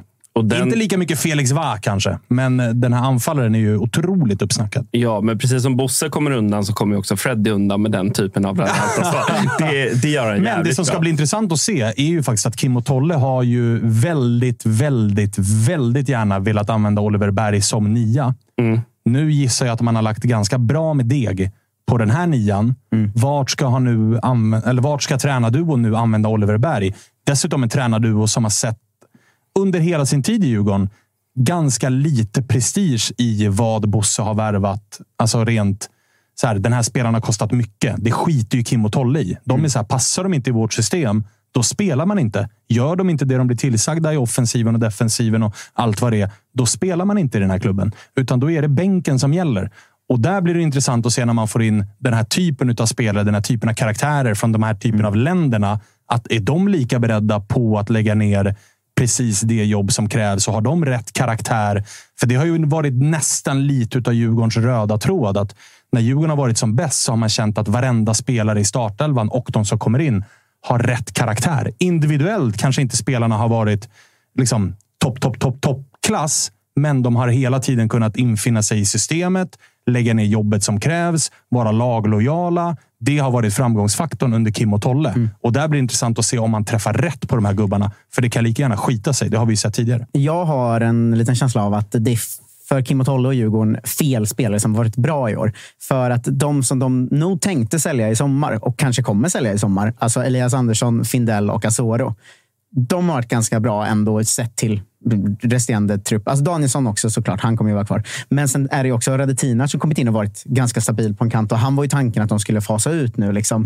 Att det är liksom det de allra helst hade velat hade ju varit att det var liksom ja, men Oliver Berg och den typen av spelare som presterar. Men det, det känns som de har landat lite fel i vilka som faktiskt har varit ganska stabila. Liksom. För att nu har de ju lite problem med, om man ser de åtta senaste nyförvärven då, efter, säg att de gör tre i sommar. Då ser vi de åtta senaste. Ingen av dem är ju så här, vart ska den, eller man vet inte riktigt vart folk ska in. Liksom. Alltså, Nej, och så Oliver- Bergvall är ju den som får starta nu, men annars är det ju typ inget nyförvärv som Oliver känns Berg. given. Jo, men Oliver han känns Berg. ju inte given, för han gör nej, ju inte, nej, inte han nu längre. När liksom. det har kommit någon prestige-nia som är 21 bast och ska ösa in mål och ifrån tre hyllor över allsvenskan. Och då, då blir det ju så här, vart ska Oliver Berg spela? Då blir det väl att man kanske säljer Findell då och så ska han spela där. Men Kim och Tolle har ju uppenbarligen inte velat använda honom på mittfältet. De har ju velat använda honom längre fram i plan. Men de Så- måste väl flytta ner han nu? Ja, Alltså, man de tycker kan- ju det. Ja, Man tycker ju det. för det är en ytter och en anfallare de har fått in nu. Ja. Alltså, det, det, det måste ju vara Radetinac som ändå ska hitta tillbaka till bänken. Findell som ska säljas, Berg som ska ner och de två nya spelarna som ska in. Det, kän- det känns konstigt om Det det, känns så, men vi satt också inför säsongen och, och var liksom rätt så säkra på att jo, men det är väl klart Oliver Berg kommer spela på mittfältet. För att Mm. Det ska vara Wikheim, Edvardsen, Asoro där uppe. Det är väl det givna. Och då ska Berg... Just det, Wikheim för fan. Ja, Wikheim finns ju där också. Mm. Han är också bra, bort. ska man säga. Eh, förlåt honom för att jag glömde honom. Mm. Honom glömmer du bort. Eh, det händer mer grejer. Pashang Abdullah från J Södra till Degen. Ja, blev Varbergsfolket eh, ledsna? De har ju jobbat rätt mm. hårt på att han ska vara deras gubbe. Men det här kan väl bli... Undrar om de är lacka på Dian som gick sönder. Annars hade ju inte var, Degen värvat den här spelaren. Nej, eh, han har väl är åtta eller nio mål på tolv matcher i Superettan. Det är väl, det är väl en perfekt ersättare för, för en klubb som Degerfors att få in inför, inför hösten. Eh, man ska inte säga att så här, jag, jag tror jag har sett två J Södra-matcher i år, så man, man, är ju ingen expert. Liksom. Men siffrorna får väl tala där och det, det är väl en bra ersättare till Dian. Sen är det kul när vi ringde Davva ju. Och så här, nu när Dian har gått sönder, kommer ni nu liksom ändra prioordningen? Och Davva var så här, nej, vi måste ha in backar fort. Det enda som har hänt är att det kommit en mittfältare och en anfallare. Inga nya backar, ingen ny målvakt. Utan det är, det är offensivt man tittar i Degerfors, trots att man har släppt in... Det är väl överlägset flest mål i serien, va? Nu är det typ redan över 30 insläppta. 36 insläppta ja. har de. På 13 eh, fighter. Det är klart att det är ett par stycken. Eh, de har 14 matcher. Då. Ja, 14. Just det. De, de har ju också spelat en extra. Ja, eh, exakt. Där... Eh... Nej, alltså, jag vet inte vad man ska säga om Degerfors. Riktigt. Men de har Mårtensson och, och Pashang. Alltså, Mårtensson känns ju som en stabil och bra värvning. Mm. Uh, han, han känns ju som att han stabiliserar upp det där laget lite. Och Pashang kan väl säkert vara spännande. Så här. Men jag är ju med Davva. Kolla när de spelar. Liksom, där bak ser ju för jävligt ut. Alltså, det, må, det måste ju någonting. Alltså, deras överlägset bästa back tycker jag är Said Korac. Han är inte... Alltså, det är ju inte så. Det, det är inte all-star team på honom Nej, heller, alltså, liksom. vet du vart han ska vara? Han ska ju vara i Varberg. Alltså i ett lag som ligger i eget straffområde och nickar undan bollar. Han ska ju inte vara i ett lag som likt Degen försöker spela offensiv fotboll och vara lite härliga. Ja, men inget mot honom. Jag tycker han gör det ganska bra. Han gör det ju bra, ja. men de spelar ju fel taktik för att han ska få skina. Mm. Han kan ju skina i ett lag. Alltså får han spela med Stanisic och Linner mm. i en treback och bara mota inlägg. Svinbra. Men man hoppas ju Mårtensson och Pashang kan komma in och skapa någonting. För att nu när man kollar senaste matchen, den enda som har en målchans typ ordentligt är ju Bosa Jen som är liksom ytterback eller wingback eller vad, vad han nu är. Exakt. Alltså det skapas ju de där fram skapar inte saker. Och jag vet inte om Campos är borta mer, men Örqvist är också avstängd nästa match som har varit typ en av de enda bra offensiva. Och så här, det känns så jävla... Alltså det känns inte som det är något på gång alls. Så man får hoppas att de här två nya ändå kan göra någonting. Men visst, det luktar fortsatt superettan, va? Eller? Mm, det är det. På tal om att lukta superettan. Händer grejer i Blåvitt, men jag vet inte riktigt vad jag tycker om dem. Det är ju en... Uh, dels ryktet om, om, om Glenn det är kul att det ryktas om en Glenn till Blåvitt. Jag ska säga att det var ju knappt ett rykte. Ah, ja. Det var ju någon twittrare med åtta följare som ja, att Glenn Kamara skulle dit. Så och den det, kan vi nog dra ett streck över? Ja, alltså, vi startade väl 19 matcher för Rangers förra säsongen. Ja, och är typ så 27. Ja, Vad fan ska han till Blåvitt att göra? Finsk 28-åring, tack. Eh, eh, nej, men det ryktades, äh, ryktades. Det var någon jävla twittrare som la ut att Blåvitt var närmare sig att få in honom på lån. Får de det så är det bara hatt av, men det är väldigt, väldigt, väldigt svårt att se. Och det, det var väl ett sånt eh, ta med all salt i hela världen rykte. Liksom. Det verkar det däremot inte vara gällande den albanska ytten Arbnor Mukolli. Mm. Arbnor. Och, och där kände man ju bara spontant att han kommer inte lyfta Blåvitt. Eller? alltså det är bara min spontana. Så här, jaha. Men det, nu är vi återigen på spontan känsla. Ja, och det måste att, man ju få Ja, det, och det har man ju. Jag håller ja. med. Men så, som vi säger att alla Djurgårdares spontana känsla är att nyförvärven kommer gå in och vinna skytteligan och säljas om en månad. Trots att, trots fyra matcher vinner de skytteligan på. Sen säljs de på en månad. Medan utifrån är ju känslan när Blåvitt ska ett nyförvärv. Alltså, det där kommer inte funka. Nej, men Thomas Santos känner jag är ju en bra värvning. Känner du det? Ja, det känner jag. Det, han tror jag kommer vara nyttig för dem. Mm. Även om det kanske inte riktigt är vad Blåvitt behöver för att lyfta. Men den här gubben har jag inte riktigt samma eh, tilltro kring. Och den här matchen mot Halmstad gör mig... Alltså, Blåvitt kommer få kämpa för det där kontraktet. Mm. Men ska, Jocke eller Patrik kommer väl in nästa vecka, va? Nej, jag tror vi ringer Patrik på fredag till och med. För vi få lite på fredag, bättre koll. Liksom. Så han får ju vara eh, den motsägande rösten då. Och det vet jag att ja, han eller så är. håller han med. Nej, men jag vet att för det jag skulle säga nu är att när man såg Blåvitt Twitter efter matchen mot Halmstad och de satt och skrek efter vilka goda tendenser det var och allt ser mycket bättre ut. Och så här, om man själv hade sett matchen och var så här, det här är ett lag som får kvala. Alltså, mm. alltså, jag, jag fattar inte stämningen i Blåvitt eh, och jag vet att Patrik är på min sida här. Alltså, så att det vill, eh, han, ja, han kommer säga samma sak som mig på fredag. Men så här, eh, de, de, måste börja skrika mer att de är i kris. Jag fattar inte. Jag, jag sitter från sidan och bara, hallå, ska ni... Hallå, ni håller på att åka ur. ja, vakna lite här nu. Men, men den här albanen kan väl vara jättebra och Tom, Thomas kan säkert också vara grym. Men jag vet inget. Det är fint att du väljer Thomas, medan man märker också vilken eh, tilltro man har till nyförvärven. De som är pessimistiska, de kallar honom för Thomas. Mm. Och de som tror att det här är super, de kallar honom för Santos. Det är coolare. Santos. När lyckades IFK Göteborg med ett nyförvärv senast? Mm. Det är en bra fråga. När Tobbe var klar. nej, men det är ju... på riktigt. Ah, nej, vilken är senaste lyckade Nej, Adam Kalén ändå. Eller? Det, Jo. Det är väl ändå ett lyckat nyförvärv. Alltså, det är ju inte dåligt Alltså, det, nej, nyförvärv. men det är ett godkänt. Tre plus. nej, två Två plus. plus. Jag- Två plus. jag jag Två säger plus. tre. Godkänt. Om han är tre plus, då är fan Vagic två plus. Och det är han inte. Nej, det är han inte. Det är han inte. Nej, Carlén nej. spelar ju fotboll, det gör ju inte Vagic. Ja, fast han spelar fotboll i IFK Göteborg. Ja, jo. jo. Men ni, ni är inte långt efter. Alltså. alltså, ni, ni är ju typ sex poäng eller någonting. Tronsen har ju sett helt okej ut, men noll poäng och två röda. Va? Ja, exakt. Så det, det, Så drar ju ner, det drar ju ner Nej, betyget. men han, Det det. nej, nej, men det kan, det kan bli en lyckad värvning, men det är ju inte en lyckad värvning. Men däremot så är det väl bra att de värvar för att nu spela ett 4-3-3, eh, som de också gjorde sist, för att eh, lä lämna det här liksom 4-2-2 Blåvitt och sånt. Alltså, det är väl det.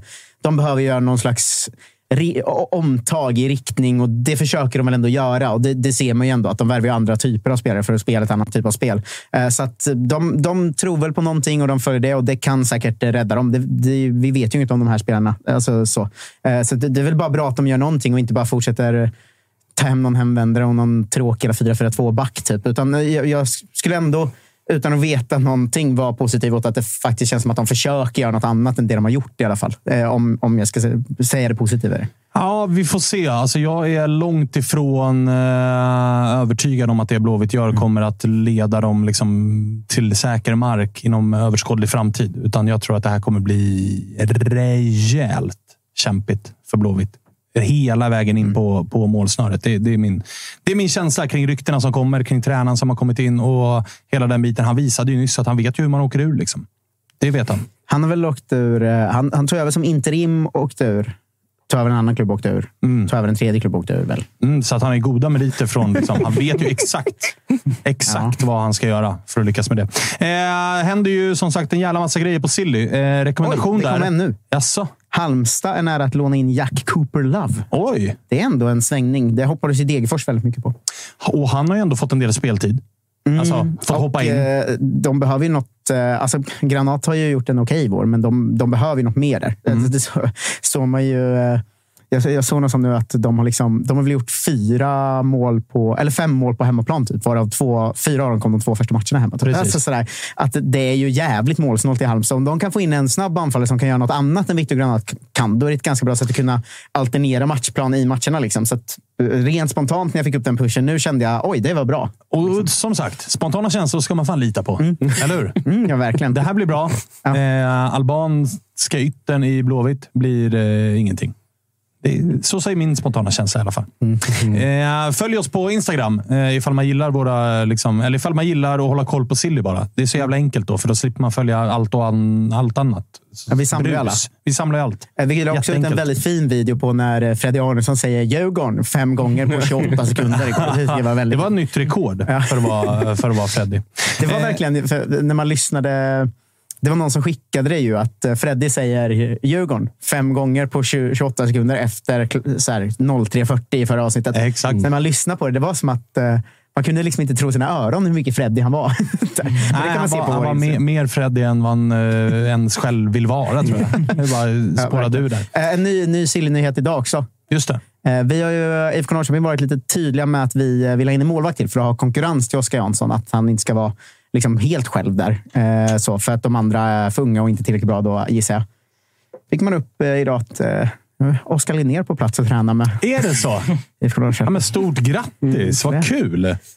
Det känns ju bra. Gör du det? Fan alltså. Spontana, spontana känslor? Har du några sådana? Jag bänkade ett halvår och lämnade i oktober. Ja, korttidskontraktet då? Ja, alltså, men, varför är han och tränar med IFK Norrköping? Han var ju där för något år sedan, för Norling var där och de är polare typ. Men ska vi ta in han nu? Jag såg ju att han på Instagram, ni vet när det var det här eh, över Stockholm så var det ju monsunregn här för ett par dagar sedan. Då la han ut en Instagram-video om att han minsann var ute och tränade i det regnet. Pannben finns, Tapper. Ja. Pannben finns. Karaktär. Han ska lära Oscar hur man tar taktiska timeouts. Ja, men Oskar har blivit väldigt bra på det det här Okej, året. ja, ja, ja. Han, Ja, då är det, finns det ännu ingen, är det Men ingen han, anledning. Oskar Linnér som hatar att vara andra målvakt ju. Eh, Det har vi märkt nu. Han lämnar ju alla klubbar hela tiden. Eh, Han går alltså, Oskar Jansson har väl 212 raka starter i allsvenskan nu. I Örebro och Ja, det, det Norrköping. är inte mycket som talar för att Oskar Linnér får en start i allsvenskan. Det får vi lov att Eh, konstatera. nej, men det, det ska man ändå säga att han är där och tränar nu. Det, Spännande. Spännande ska det bli att fortsätta följa Sillin också. Jag räknar med att det är lite bomber på G. Eh, kan vara svartgula sådana. alltså, galet aktivt sommarfönster. Det har inte ens öppnat Nej, nej, det öppnar på lördag. Alltså, det händer ju hur mycket som helst. Eller visst är det lördag? Jo, jag tror att det är lördag. Jag har hört liksom, lite så här, jag har lyssnat lite på folks... eh, Fredag lag- tror jag till och med. På olika lags mm. supporterpoddar ibland, bara för att ha lite koll på stämningen i olika led. Så där. Och det är många som sitter och bara så här, fan har vi bara värvat en för? Alltså, vi, har bara, vi har bara fått in två man, vi måste få in mer. Man bara, det har inte ens öppnat än. Nej, Alltså, ja, men och där Bayern Twitter brinner ju på att det är inget. bara, Gnaget värvar, Diffen värvar, alla värvar, vi är tysta.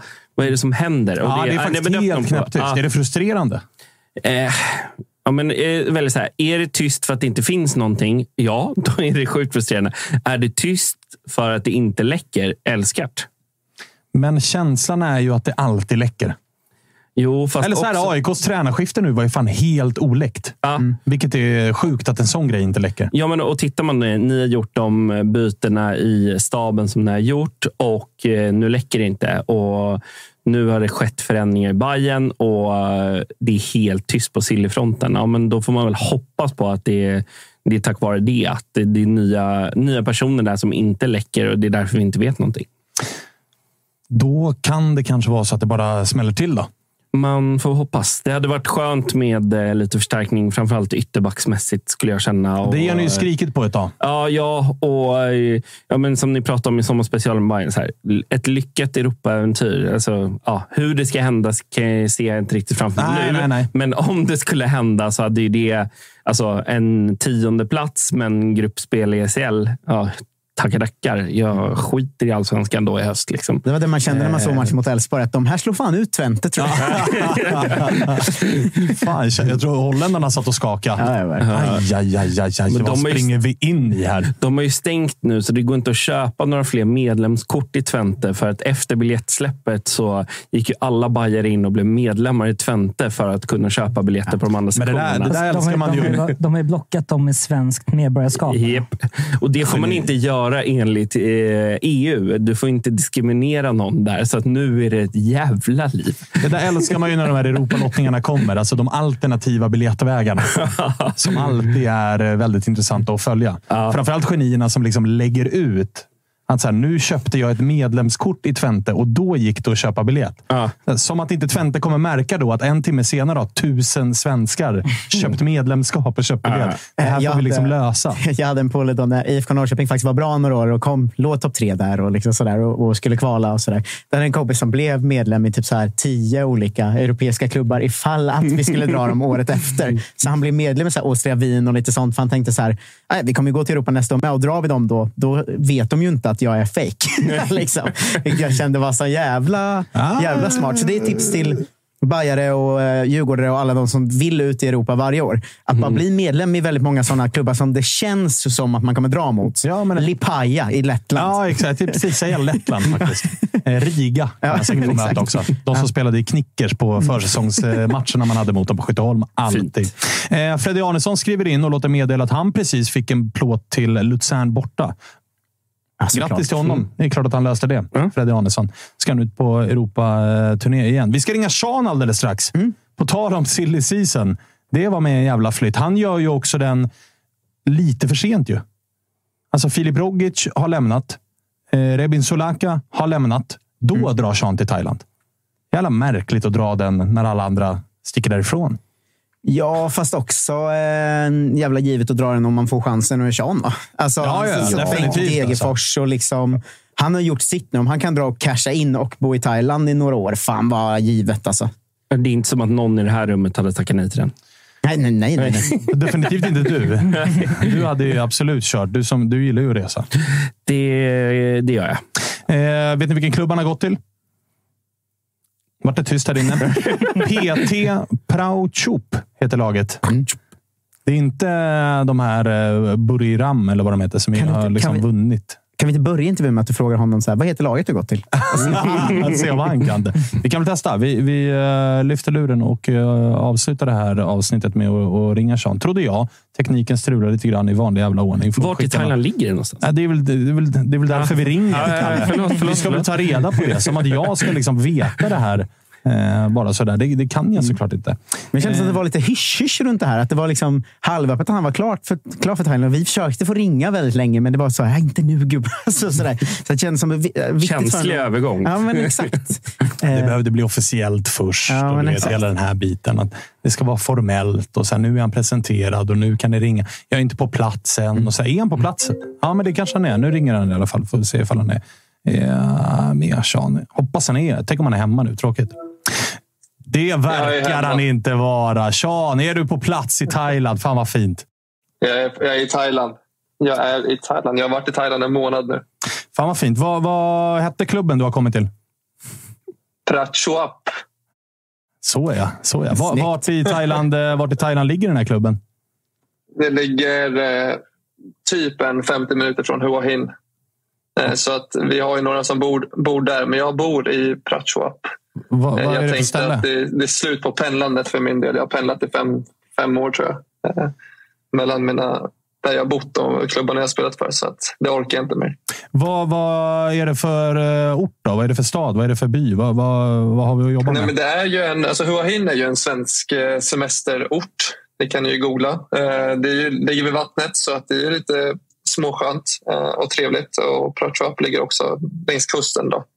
Så att det är väl en lite, lite mindre stad så där jag bor. Jag eh, tänkte att det skulle vara mycket värre än vad det faktiskt är. Så jag har kommit in i det bra. Det finns sköna liksom, kafén, bra lunchställen och väldigt billigt. Hur hög status har du i klubben? Alltså, kan du säga till klubben att de ska lösa resa och boende om vi kommer ner och gör ett reportage? Nej, men de är nog eh, de är ju hypade över alla utländska spelare här. För en gångs skull så, så är man ju den här utländska spelaren som de har hämtat hit för att man ska göra skillnad. Så att, Just det. eh, lite krav kan man väl ställa. Men sen så kan det vara bra att jag spelar min första match också. Det har vi inte. Passa på nu då med andra ord. Medan hypen fortfarande är, Ja, jag, jag passar hög. på nu. Ja, precis. kan bli en Fortune, inte- eh, kan bli en Fortune Bassi-situation och sådär. det vill vi Ja, inte det, det, blir, det blir lite stelt. Men du, eh, vad har du fått för intryck än så länge du, av laget och lagkamrater och klubben och, och den thailändska fotbollen? Eh, nej, men det har faktiskt har det varit över förväntan. För att jag kom hit med väldigt låga förväntningar. Eh, jag tänkte att jag kommer till en mindre klubb än vad till exempel Filip Rogic eller eh, Rebin som vi snackade om tidigare spelar i. De spelar i Thailands Malmö så man har ju hört en hel del från dem. Sen har vi Mahmoud Eid som är i Bangkok United som också är en värstingklubb här. Ehm, så jag tänkte att nu kommer jag till Thailands Degerfors. Ehm, och det har varit över förväntan. Alltså det är, allting har bara så här rullat på. Jag kom hit, jag fick boendet, jag fick bilen, de fixade och satte upp allting med bankkontot. Och det finns många anställda. Sen vet jag inte om det är billig, beror på billig arbetskraft. Men de har väl typ 20 stycken som är bara i staben. Ehm, vi har en extra mamma och pappa som tar hand om oss utländska spelare som finns nära till hands. Eh, vi har en tolk och liksom saker bara rullar på. Så det är ju mer professionellt än vad jag trodde. Ni har, eh, ni har dusch och så. Alltså, vi hade ju mer Rogic som var så här, vissa klubbar de har inte ens dusch. Vi får ta med oss vattenflaskor och hälla över oss. Liksom. Men det har ni. Ja, nej, det, det- det, har vi. Vi har inte de problemen. Vi har två eller tre stycken som är anställda som vad jag har sett på en månad, deras enda uppgift är faktiskt att komma under vattenpausen när de springer ut med så här kylboxar med iskallt vatten. Eh, så att det är eh, någonting jag inte riktigt eh, är van vid. Det hade ni inte i Degerfors. Nej, det hade vi absolut inte. Du, eh, vad ser du fram emot vid sidan av planen? då? För det är ett annat liksom, liv i Thailand än i, i eh, bruket och i allsvenskan. Ja, nej, men jag, jag tänkte ju det också tills jag faktiskt kom hit. För att Filip och Rebin gav mig här, de varnade mig lite att kom dit i hyfsad form och tro inte att du ska på någon semester. Så att jag kom ändå in med den inställningen. Och jävla vad de kör. Vi, vi kör måndag till lördag. Um, dubbelpass varannan dag på det. Eh, det, det körs. Alltså det, jag har ändå spelat eh, i Sverige hela mitt liv. Eh, och Visst, jag har ju spelat i, Degerfors då, men även i Superettan och jag har nog aldrig tränat så här mycket och hårt. Det finns ingenting som heter periodisering här inte. Utan man kör. Eh, och de kommer också liksom oannonserat med lite tester här och där och lite löpningar. Häromdagen fick vi, fick vi bara ett meddelande på kvällen att vi ses imorgon 7.30. Ta med er löparskor. Och så var det bara att springa 6 kilometer 7.30 på morgonen. Så, så det, är, det är annorlunda. Jag, jag var inte riktigt beredd på det om jag ska vara helt ärlig. Men det är väl kul. Dagarna går. Än så länge alltså inget bungee jump och dyka cert och simma med delfiner och full moon party och de här grejerna? Nej. Nej, inte eh, än så länge nej. Eh, sen så beror det säkert på vilken klubb man är eller vem, vilken tränare man har. Vår tränare har ju varit före detta så landslagsspelare, eh, stor status och han verkar lite hårdare i sitt eh, sätt att coacha rent träningsmässigt. Eh, men I don't mind, det är kul att träna. Eh, jag måste fråga, jag är ofta fascinerad av eh, roliga namn på spelare och sådana här detaljer och sådär. Du har ju en lagkamrat mm. som är halvsvensk som heter Junior Gunnar Eldstål. Ja, han, jag såg också det där inför att det skulle komma. Så tänkte jag, men han verkar ha någon svensk eh, ankop, liksom ankoppling på något sätt. Men han, han är inte kvar. Alltså det är jättestor spelaromsättning här. Eh, ah, bara när jag kom hit så hade jag en granne här som var från Nigeria som var bodde mitt emot mig här. Så tänkte jag, men skönt att ha en lagkamrat som bor precis över gatan. Och sen så, typ tredje träningen, så ringer jag honom på morgonen och säger bara, vart fan är du liksom? Och han sa, ah, nej, då, de bröt mitt kontrakt. Då hade de ringt honom på tio, klockan tio på kvällen dagen innan och bara brutit kontraktet. Så, eh, så det går, det låter, går snabbt här. Det låter tufft alltså, thailändska fotbollslivet. Ja, men för annars var man ju riktigt fascinerad av junior Gunnar Eldstål. Ah, det är fan det bästa namnet man har hört. Alltså. Där måste vi nästan till ja, på fredag ta reda på vad gör han nu? Ja. Vart tog han vägen? Ja, han, han, är i, han är i Malaysia för att han är hur säger man det då? Han är väl halv Malaysia någonting. Malaysia halv någonting. Och sen så har han någon svensk koppling. Mm. Eh, så jag tror inte ens han kan prata svenska för jag frågade dem i, i laget och de sa nej, han är inte svensk. Ah, okay, okay. Eh, Men du, eh, berätta, han råkar ett svenskt namn. berätta hur det gick till då. Alltså övergången. Var, var, var det liksom du som var ute efter ett äventyr eller var det agenten som kom med ett speciellt erbjudande? Eller vad, vad gjorde att du landade där du är just nu? Men vi har ju pratat om det här. Jag har ju pratat här med er också tidigare kring, kring Asien. Eh, och då har det varit, ska jag vara helt ärlig, jag har fått massa olika. Jag har fått allting från hålor till i, Indien till Uzbekistan till eh, ja, men lite allt möjligt. I slutet här fick jag från Singapore och lite andra, kanske lite mer sköna länder. Och sen när Thailand dyk, liksom dök upp så kände jag bara att det finns ändå lite svenska spelare som varit här. Jag känner till lite grann hur det är och det kändes som ett, som ett bättre alternativ än att kanske köra Uzbekistan eller eh, Indien som jag ja, tackade nej till tidigare. Så att det var bara det var liksom snabba puckar för att jag fick, fick det här. Och sen var det så här, men du har typ 24 timmar på dig att eh, ge oss ett klartecken. Och då var det bara att rodda med Werner och Degerfors in det. Vad, du behöver inte säga hur mycket du tjänar, men hur stor ekonomisk uppsida är det att spela i Thailand kontra att spela i allsvenskan? För, för min del så är det absolut en eh, stor skillnad eh, i och med att vi i Degerfors kanske inte tjänar de fetaste pengarna. Så, eh, men... så för min del så var det ju det. Och sen så, det är klart man gör det. Jag såg någonting om att eh, det var någon som skickade till mig att Birro hade någon, någon eh, kommentar kring det. Hur kan man lämna mitt i säsong? Men i och med vad de är sponsrade av eh, när de gör sin, sin podd. Så man behöver ju tänka på pengarna, så det är inte konstigt. Så det står jag för. Är det som att gå från Degerfors till Malmö eller snackar vi ännu bättre, tror du? Det vet jag inte. Eh, det, det, vet jag faktiskt inte. Eh, det beror ju på vem man är i Malmö. Ah, jo, jo, jo, Det är, jo, men det är ju något åt det hållet i alla fall. Jag vill ändå fråga om Degen, för vi har ju oh, ja. varit inne ganska mycket på att Eh, vi alla börjar känna att det här kanske är säsongen Degen är på väg att trilla ur. Eh, för att eh, de lagen bakom har kassor och ska rusta i sommar och, och det har sett ganska skakigt ut nu. Hur, hur tycker du själv att både våren och kanske det du följt sen du... Nu tappar Sean kameran på något härligt sätt. Ja, jag men, men hur tycker du själv att våren och det, det du kanske sett sen du lämnade har sett ut? Och, ja, Man får också så skadan på Dian kommer. Mm. Och så här, det, det, är mycket sådana grejer som också är så här, fan, det, det här, det här är, så här brukar det se ut hos lag som till slut inte håller. Att nyckelspelare åker på långtidsskador och allt vad fan det är. Kort fråga. Vad känner du om Degen säsong? Nej, men det är ju klart att det, det inte är den bästa liksom, situationen för Degerfors. Men så, det var ju ännu värre förra året och då var det ju samma sak. Vi kommer åka ut. Uh, och jag förstår vad du menar. Jag hör dig. Uh, liksom, det, är ju, det är ju svårt år efter år att göra de här mirakelvänderna där man bara löser det. Och sen så är det såklart som du säger att eh, det är ju två ekonomiskt starka klubbar som jagar där bakom eh, i form av AIK och Göteborg. Eh, men sen vet jag inte heller. Jo, alltså AIK vann ju mot BP, men jag, kan inte, jag sitter och kollar mycket på allsvenskan nu. Och liksom, nu har man ju tid över här, så jag kollar mycket på allsvenska matcher. Eh, kollar bra poddar, till exempel den här. Eh, men jag, jag, kan inte tycka att AIKs eh, insats mot BP var någonting att hänga i julgranen. Jag kanske, ni får rätta mig om jag har fel. Eh, men det var ju ändå ett BP som hade typ 65 procents bollinnehav.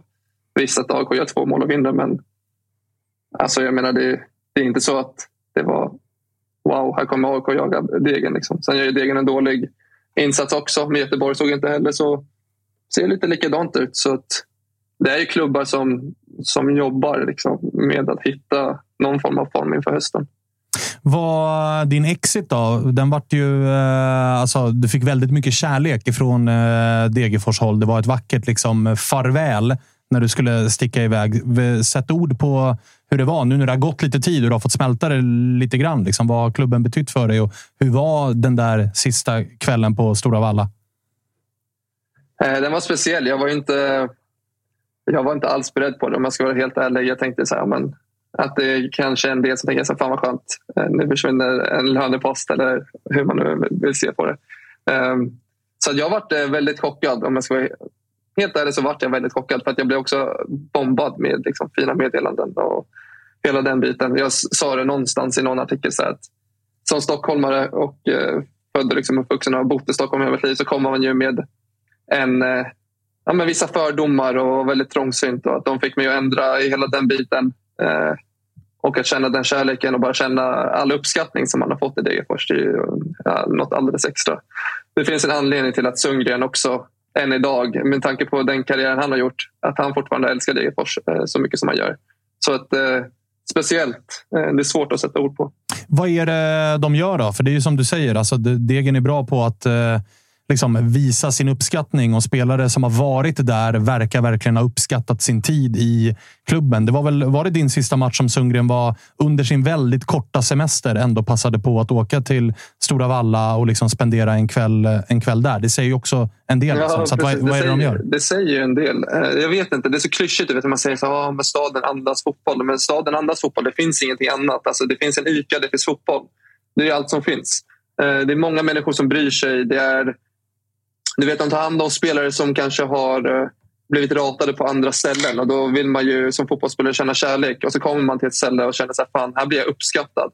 Sen har man bott i storstäder där man är typ en liten myra och eh, ratad på det. Så kommer man någonstans och känner sig uppskattad. Jag tror att fotbollsspelare vill känna sig uppskattade och att många som är eller hamnar i Degerfors är ju spelare som har haft lite så speciella karriärer och att man har krigat och hit och dit. Och då kommer man någonstans och känner sig uppskattad. Och det är väl det mest som jag tror man fastnar för utöver allt runt omkring. Det är mycket människor som jobbar ideellt. Och liksom, när man ser sånt eh, på nära håll och eh, då, då blir det så att man vill ju man vill ge tillbaka på något sätt. Antingen i form av prestationer eller att man bara visa uppskattning. Det blir lite, eh, som du är inne på, många spelare som har tagit en krokig väg. Det blir lite så här, man letar efter andra chansen. Hos Degen får man andra chansen och då blir man, det blir lite tacksamhet åt att man fick den. Liksom. Ja, exakt. Ja, men precis. Eh, ni har ju diskuterat många gånger varför tar Degerfors poäng mot eh, Stockholmsklubbarna till exempel. Alltså, vi har ju varit ett gäng över de här tre åren som är, som ratade Stockholmsgrabbar. Det är klart man vill visa revansch. Det är klart man vill visa att så här, kolla vad ni har gått miste om. Det är väl det det grundar sig i när man tar poäng mot storlagen. Eh, sen så gäller det att eftersom att man då frekvent tar poäng mot storlagen på hemmaplan så behöver man ju också få fram det i andra matcher också. Och det har väl varit ett problem generellt under de här tre åren om man ska vara helt ärlig också. Ehm, och någonting som man behöver få fram om man ska lyckas att eh, lösa den här hösten också. Tror du eh, Degen löser det här utan kval? Mm, jag, det kan nog bli kval och då tror jag att man löser det. Jag tror man löser det i år eh, igen. Och vilka Sen så om det två- blir utan kval eller inte, det låter bli osagt. Singla ut två klubbar som Degen har bakom sig. Då. Varberg kommer ju sannolikt vara ett av lagen du säger, men vilka, vilka lag eh, drattar ur? Är det Nej, Blåvitt? men jag tror att ja, men jag tror inte att det är AIK, så att då får det bli Blåvitt. Fint, fint, fint, fint. För grejen är att jag måste ju ändå pika Carlén där borta lite. Han har Ja, känt sig ja, ja. alldeles för skön nu. Så att, Verkligen. Alltså, lika bra att du gör. Han tar ju tydligen inte ens... eh, bra. Att, Han tar tydligen inte ens sönder sina skor längre. Han har blivit läcker nu. Det är det jag menar. det är det som är grejen. Han har kommit dit och... Nej, men fan vad fin han har varit också, så att han, det ska han ha. Men eh, så länge de är bakom Degerfors så är vi alla nöjda. Fan vad fint. Du, eh, Kommer han, kommer han krypandes tillbaka till världen? Det kommer han göra. Det vet vi om. Det vet vi om. Eh, kriga på där borta då. Det verkar vara en jävla körning. Det är väl nästa träningspass här. Du sitter redo. Ja, eller hur? Jag är redo. Nej, men eh, supertack och eh, ni är välkomna hit. Ja, det, det, det är en inbjudan vi väldigt gärna tar. Eh, kör hårt då, så hörs vi. Vi hörs. Tja, tja. Hej. Tuttosvenskan är, innan vi lägger på för dagen, sponsrade av ATG. Där har vi våra tripplar varje helg. Eh, två i rad nu. Går för tredje raka. Eh, pengar eh, är enkelt om man hakar på oss där inne. ATG.se snedstreck tutto. En trippel varje helg och Big Nine-andelar både från oss och Tutto Live. Tack ATG! Och tack också till Simor som fortsätter att vara med oss. De kommer vara det hela säsongen. Och jag har faktiskt nappat på Spångens råd. va? Morden i Helsingör. Jävla toppserie. Alltså otrolig. Och den är också så fin här under sommaren. När man är lite mosig i pallet efter en dag i solen. Va? Eller en och en halv timme i den här studion. Då är man också ganska mosig i pallet. Den är liksom lätt-tittad. Och så är det danska, så att allt bara flyter ihop. Man bara sneglar lite grann mot undertexterna och så myser man med i den där eh, fina krimmaren. Så Kör in och, din, in och eh, kika på den. Eh, som du gör eh, när vi har danska spelare och tränare med oss. Sitter bara och nickar, ja. ja. men att du sitter och nickar till serien och sen efter då, då och då säger du så. Bra då! och framförallt när eh, min sambo Emily frågar, eh, när hon har varit och gjort någonting och så kommer hon tillbaks. Vad hände? Ah, vet inte riktigt. Härligt. Ja, härligt. Fan vad kul att höra. Får jag ta ett, eh, ett önskemål från chatten bara? Ja. Det kan vara så att jag har tagit emot lite pengar under bordet för det här. Eh, Kan vi få lite John Guidetti? Kan vi få. Vi. Ja, sluta så. Det smäller på lördag. Jag Bara vill bara, jag vill bara säga... Det smäller på lördag. Jag gjorde tydligen två kassar på träningen igår. Boom! Vad var det för vad vi satte förra avsnittet? Eh, det var i degen. Eh, vi satt ju med Davva. Satte vi ju vadet. Peter Gvargis versus John Guidetti. Head to head. Mållina. Och ingen liksom handikapp. Utan de går head to head mot varandra från den förra omgången där båda gick mållösa. Men resten av säsongen. Det och det var Spången, ska sägas. Spången mot Davva. 500 spänn till tifokassan. Den som torskar vadet. Alltså Det motståndarlagets tifokassa. Det är roligt att det är där vi hamnat. Eh, Jag vill bara säga också att om man ska spela ska man vara 18 år eller äldre och behöver man hjälp finns stödlinjen.se. Vi säger så. Det var allting vi hade att bjuda på för den här gången. Vi är tillbaka igen på fredag. Då ska vi bland annat då ringa den ena halvan av BB-podden, nämligen Patrik Glimberg och snacka lite grann med honom om IFK Göteborg. Sen får vi se vad vi bjuder på. Det är lite flytande just nu, va Tapper?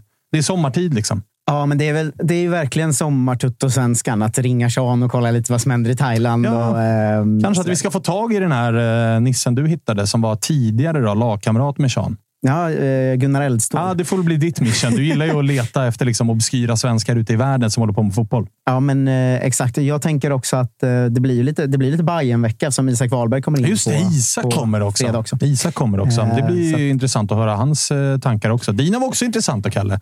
Men Isaks får vi se ifall de är. De kanske är ointressanta. Men jag tycker det är, ganska, det är ganska skönt att har fått lång, långt Bajen-snack med... Då blir det tre olika Bajare på typ en vecka. För att då Mm. får man höra tre olika ingångar på det. Sånt gillar jag eh, mycket. Att, eller det är Tycker kul de. utifrån. Så man får, man får höra vad folk tänker. va?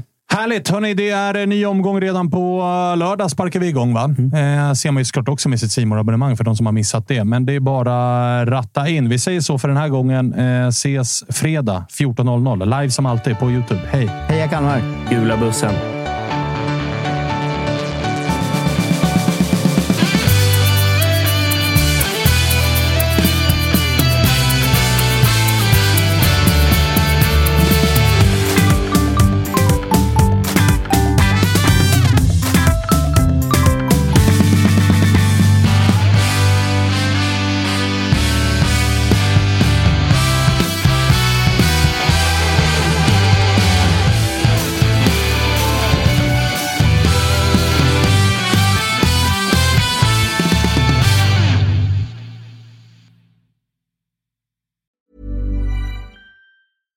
Mom deserves the best, and there's no better place to shop for Mother's Day than Whole Foods Market. They're your destination for unbeatable savings, from premium gifts to show-stopping flowers and irresistible desserts. Start by saving 33% with Prime on all body care and candles. Then get a 15-stem bunch of tulips for just $9.99 each with Prime. Round out Mom's menu with festive rosé, irresistible berry chantilly cake, and more special treats. Come celebrate Mother's Day at Whole Foods Market.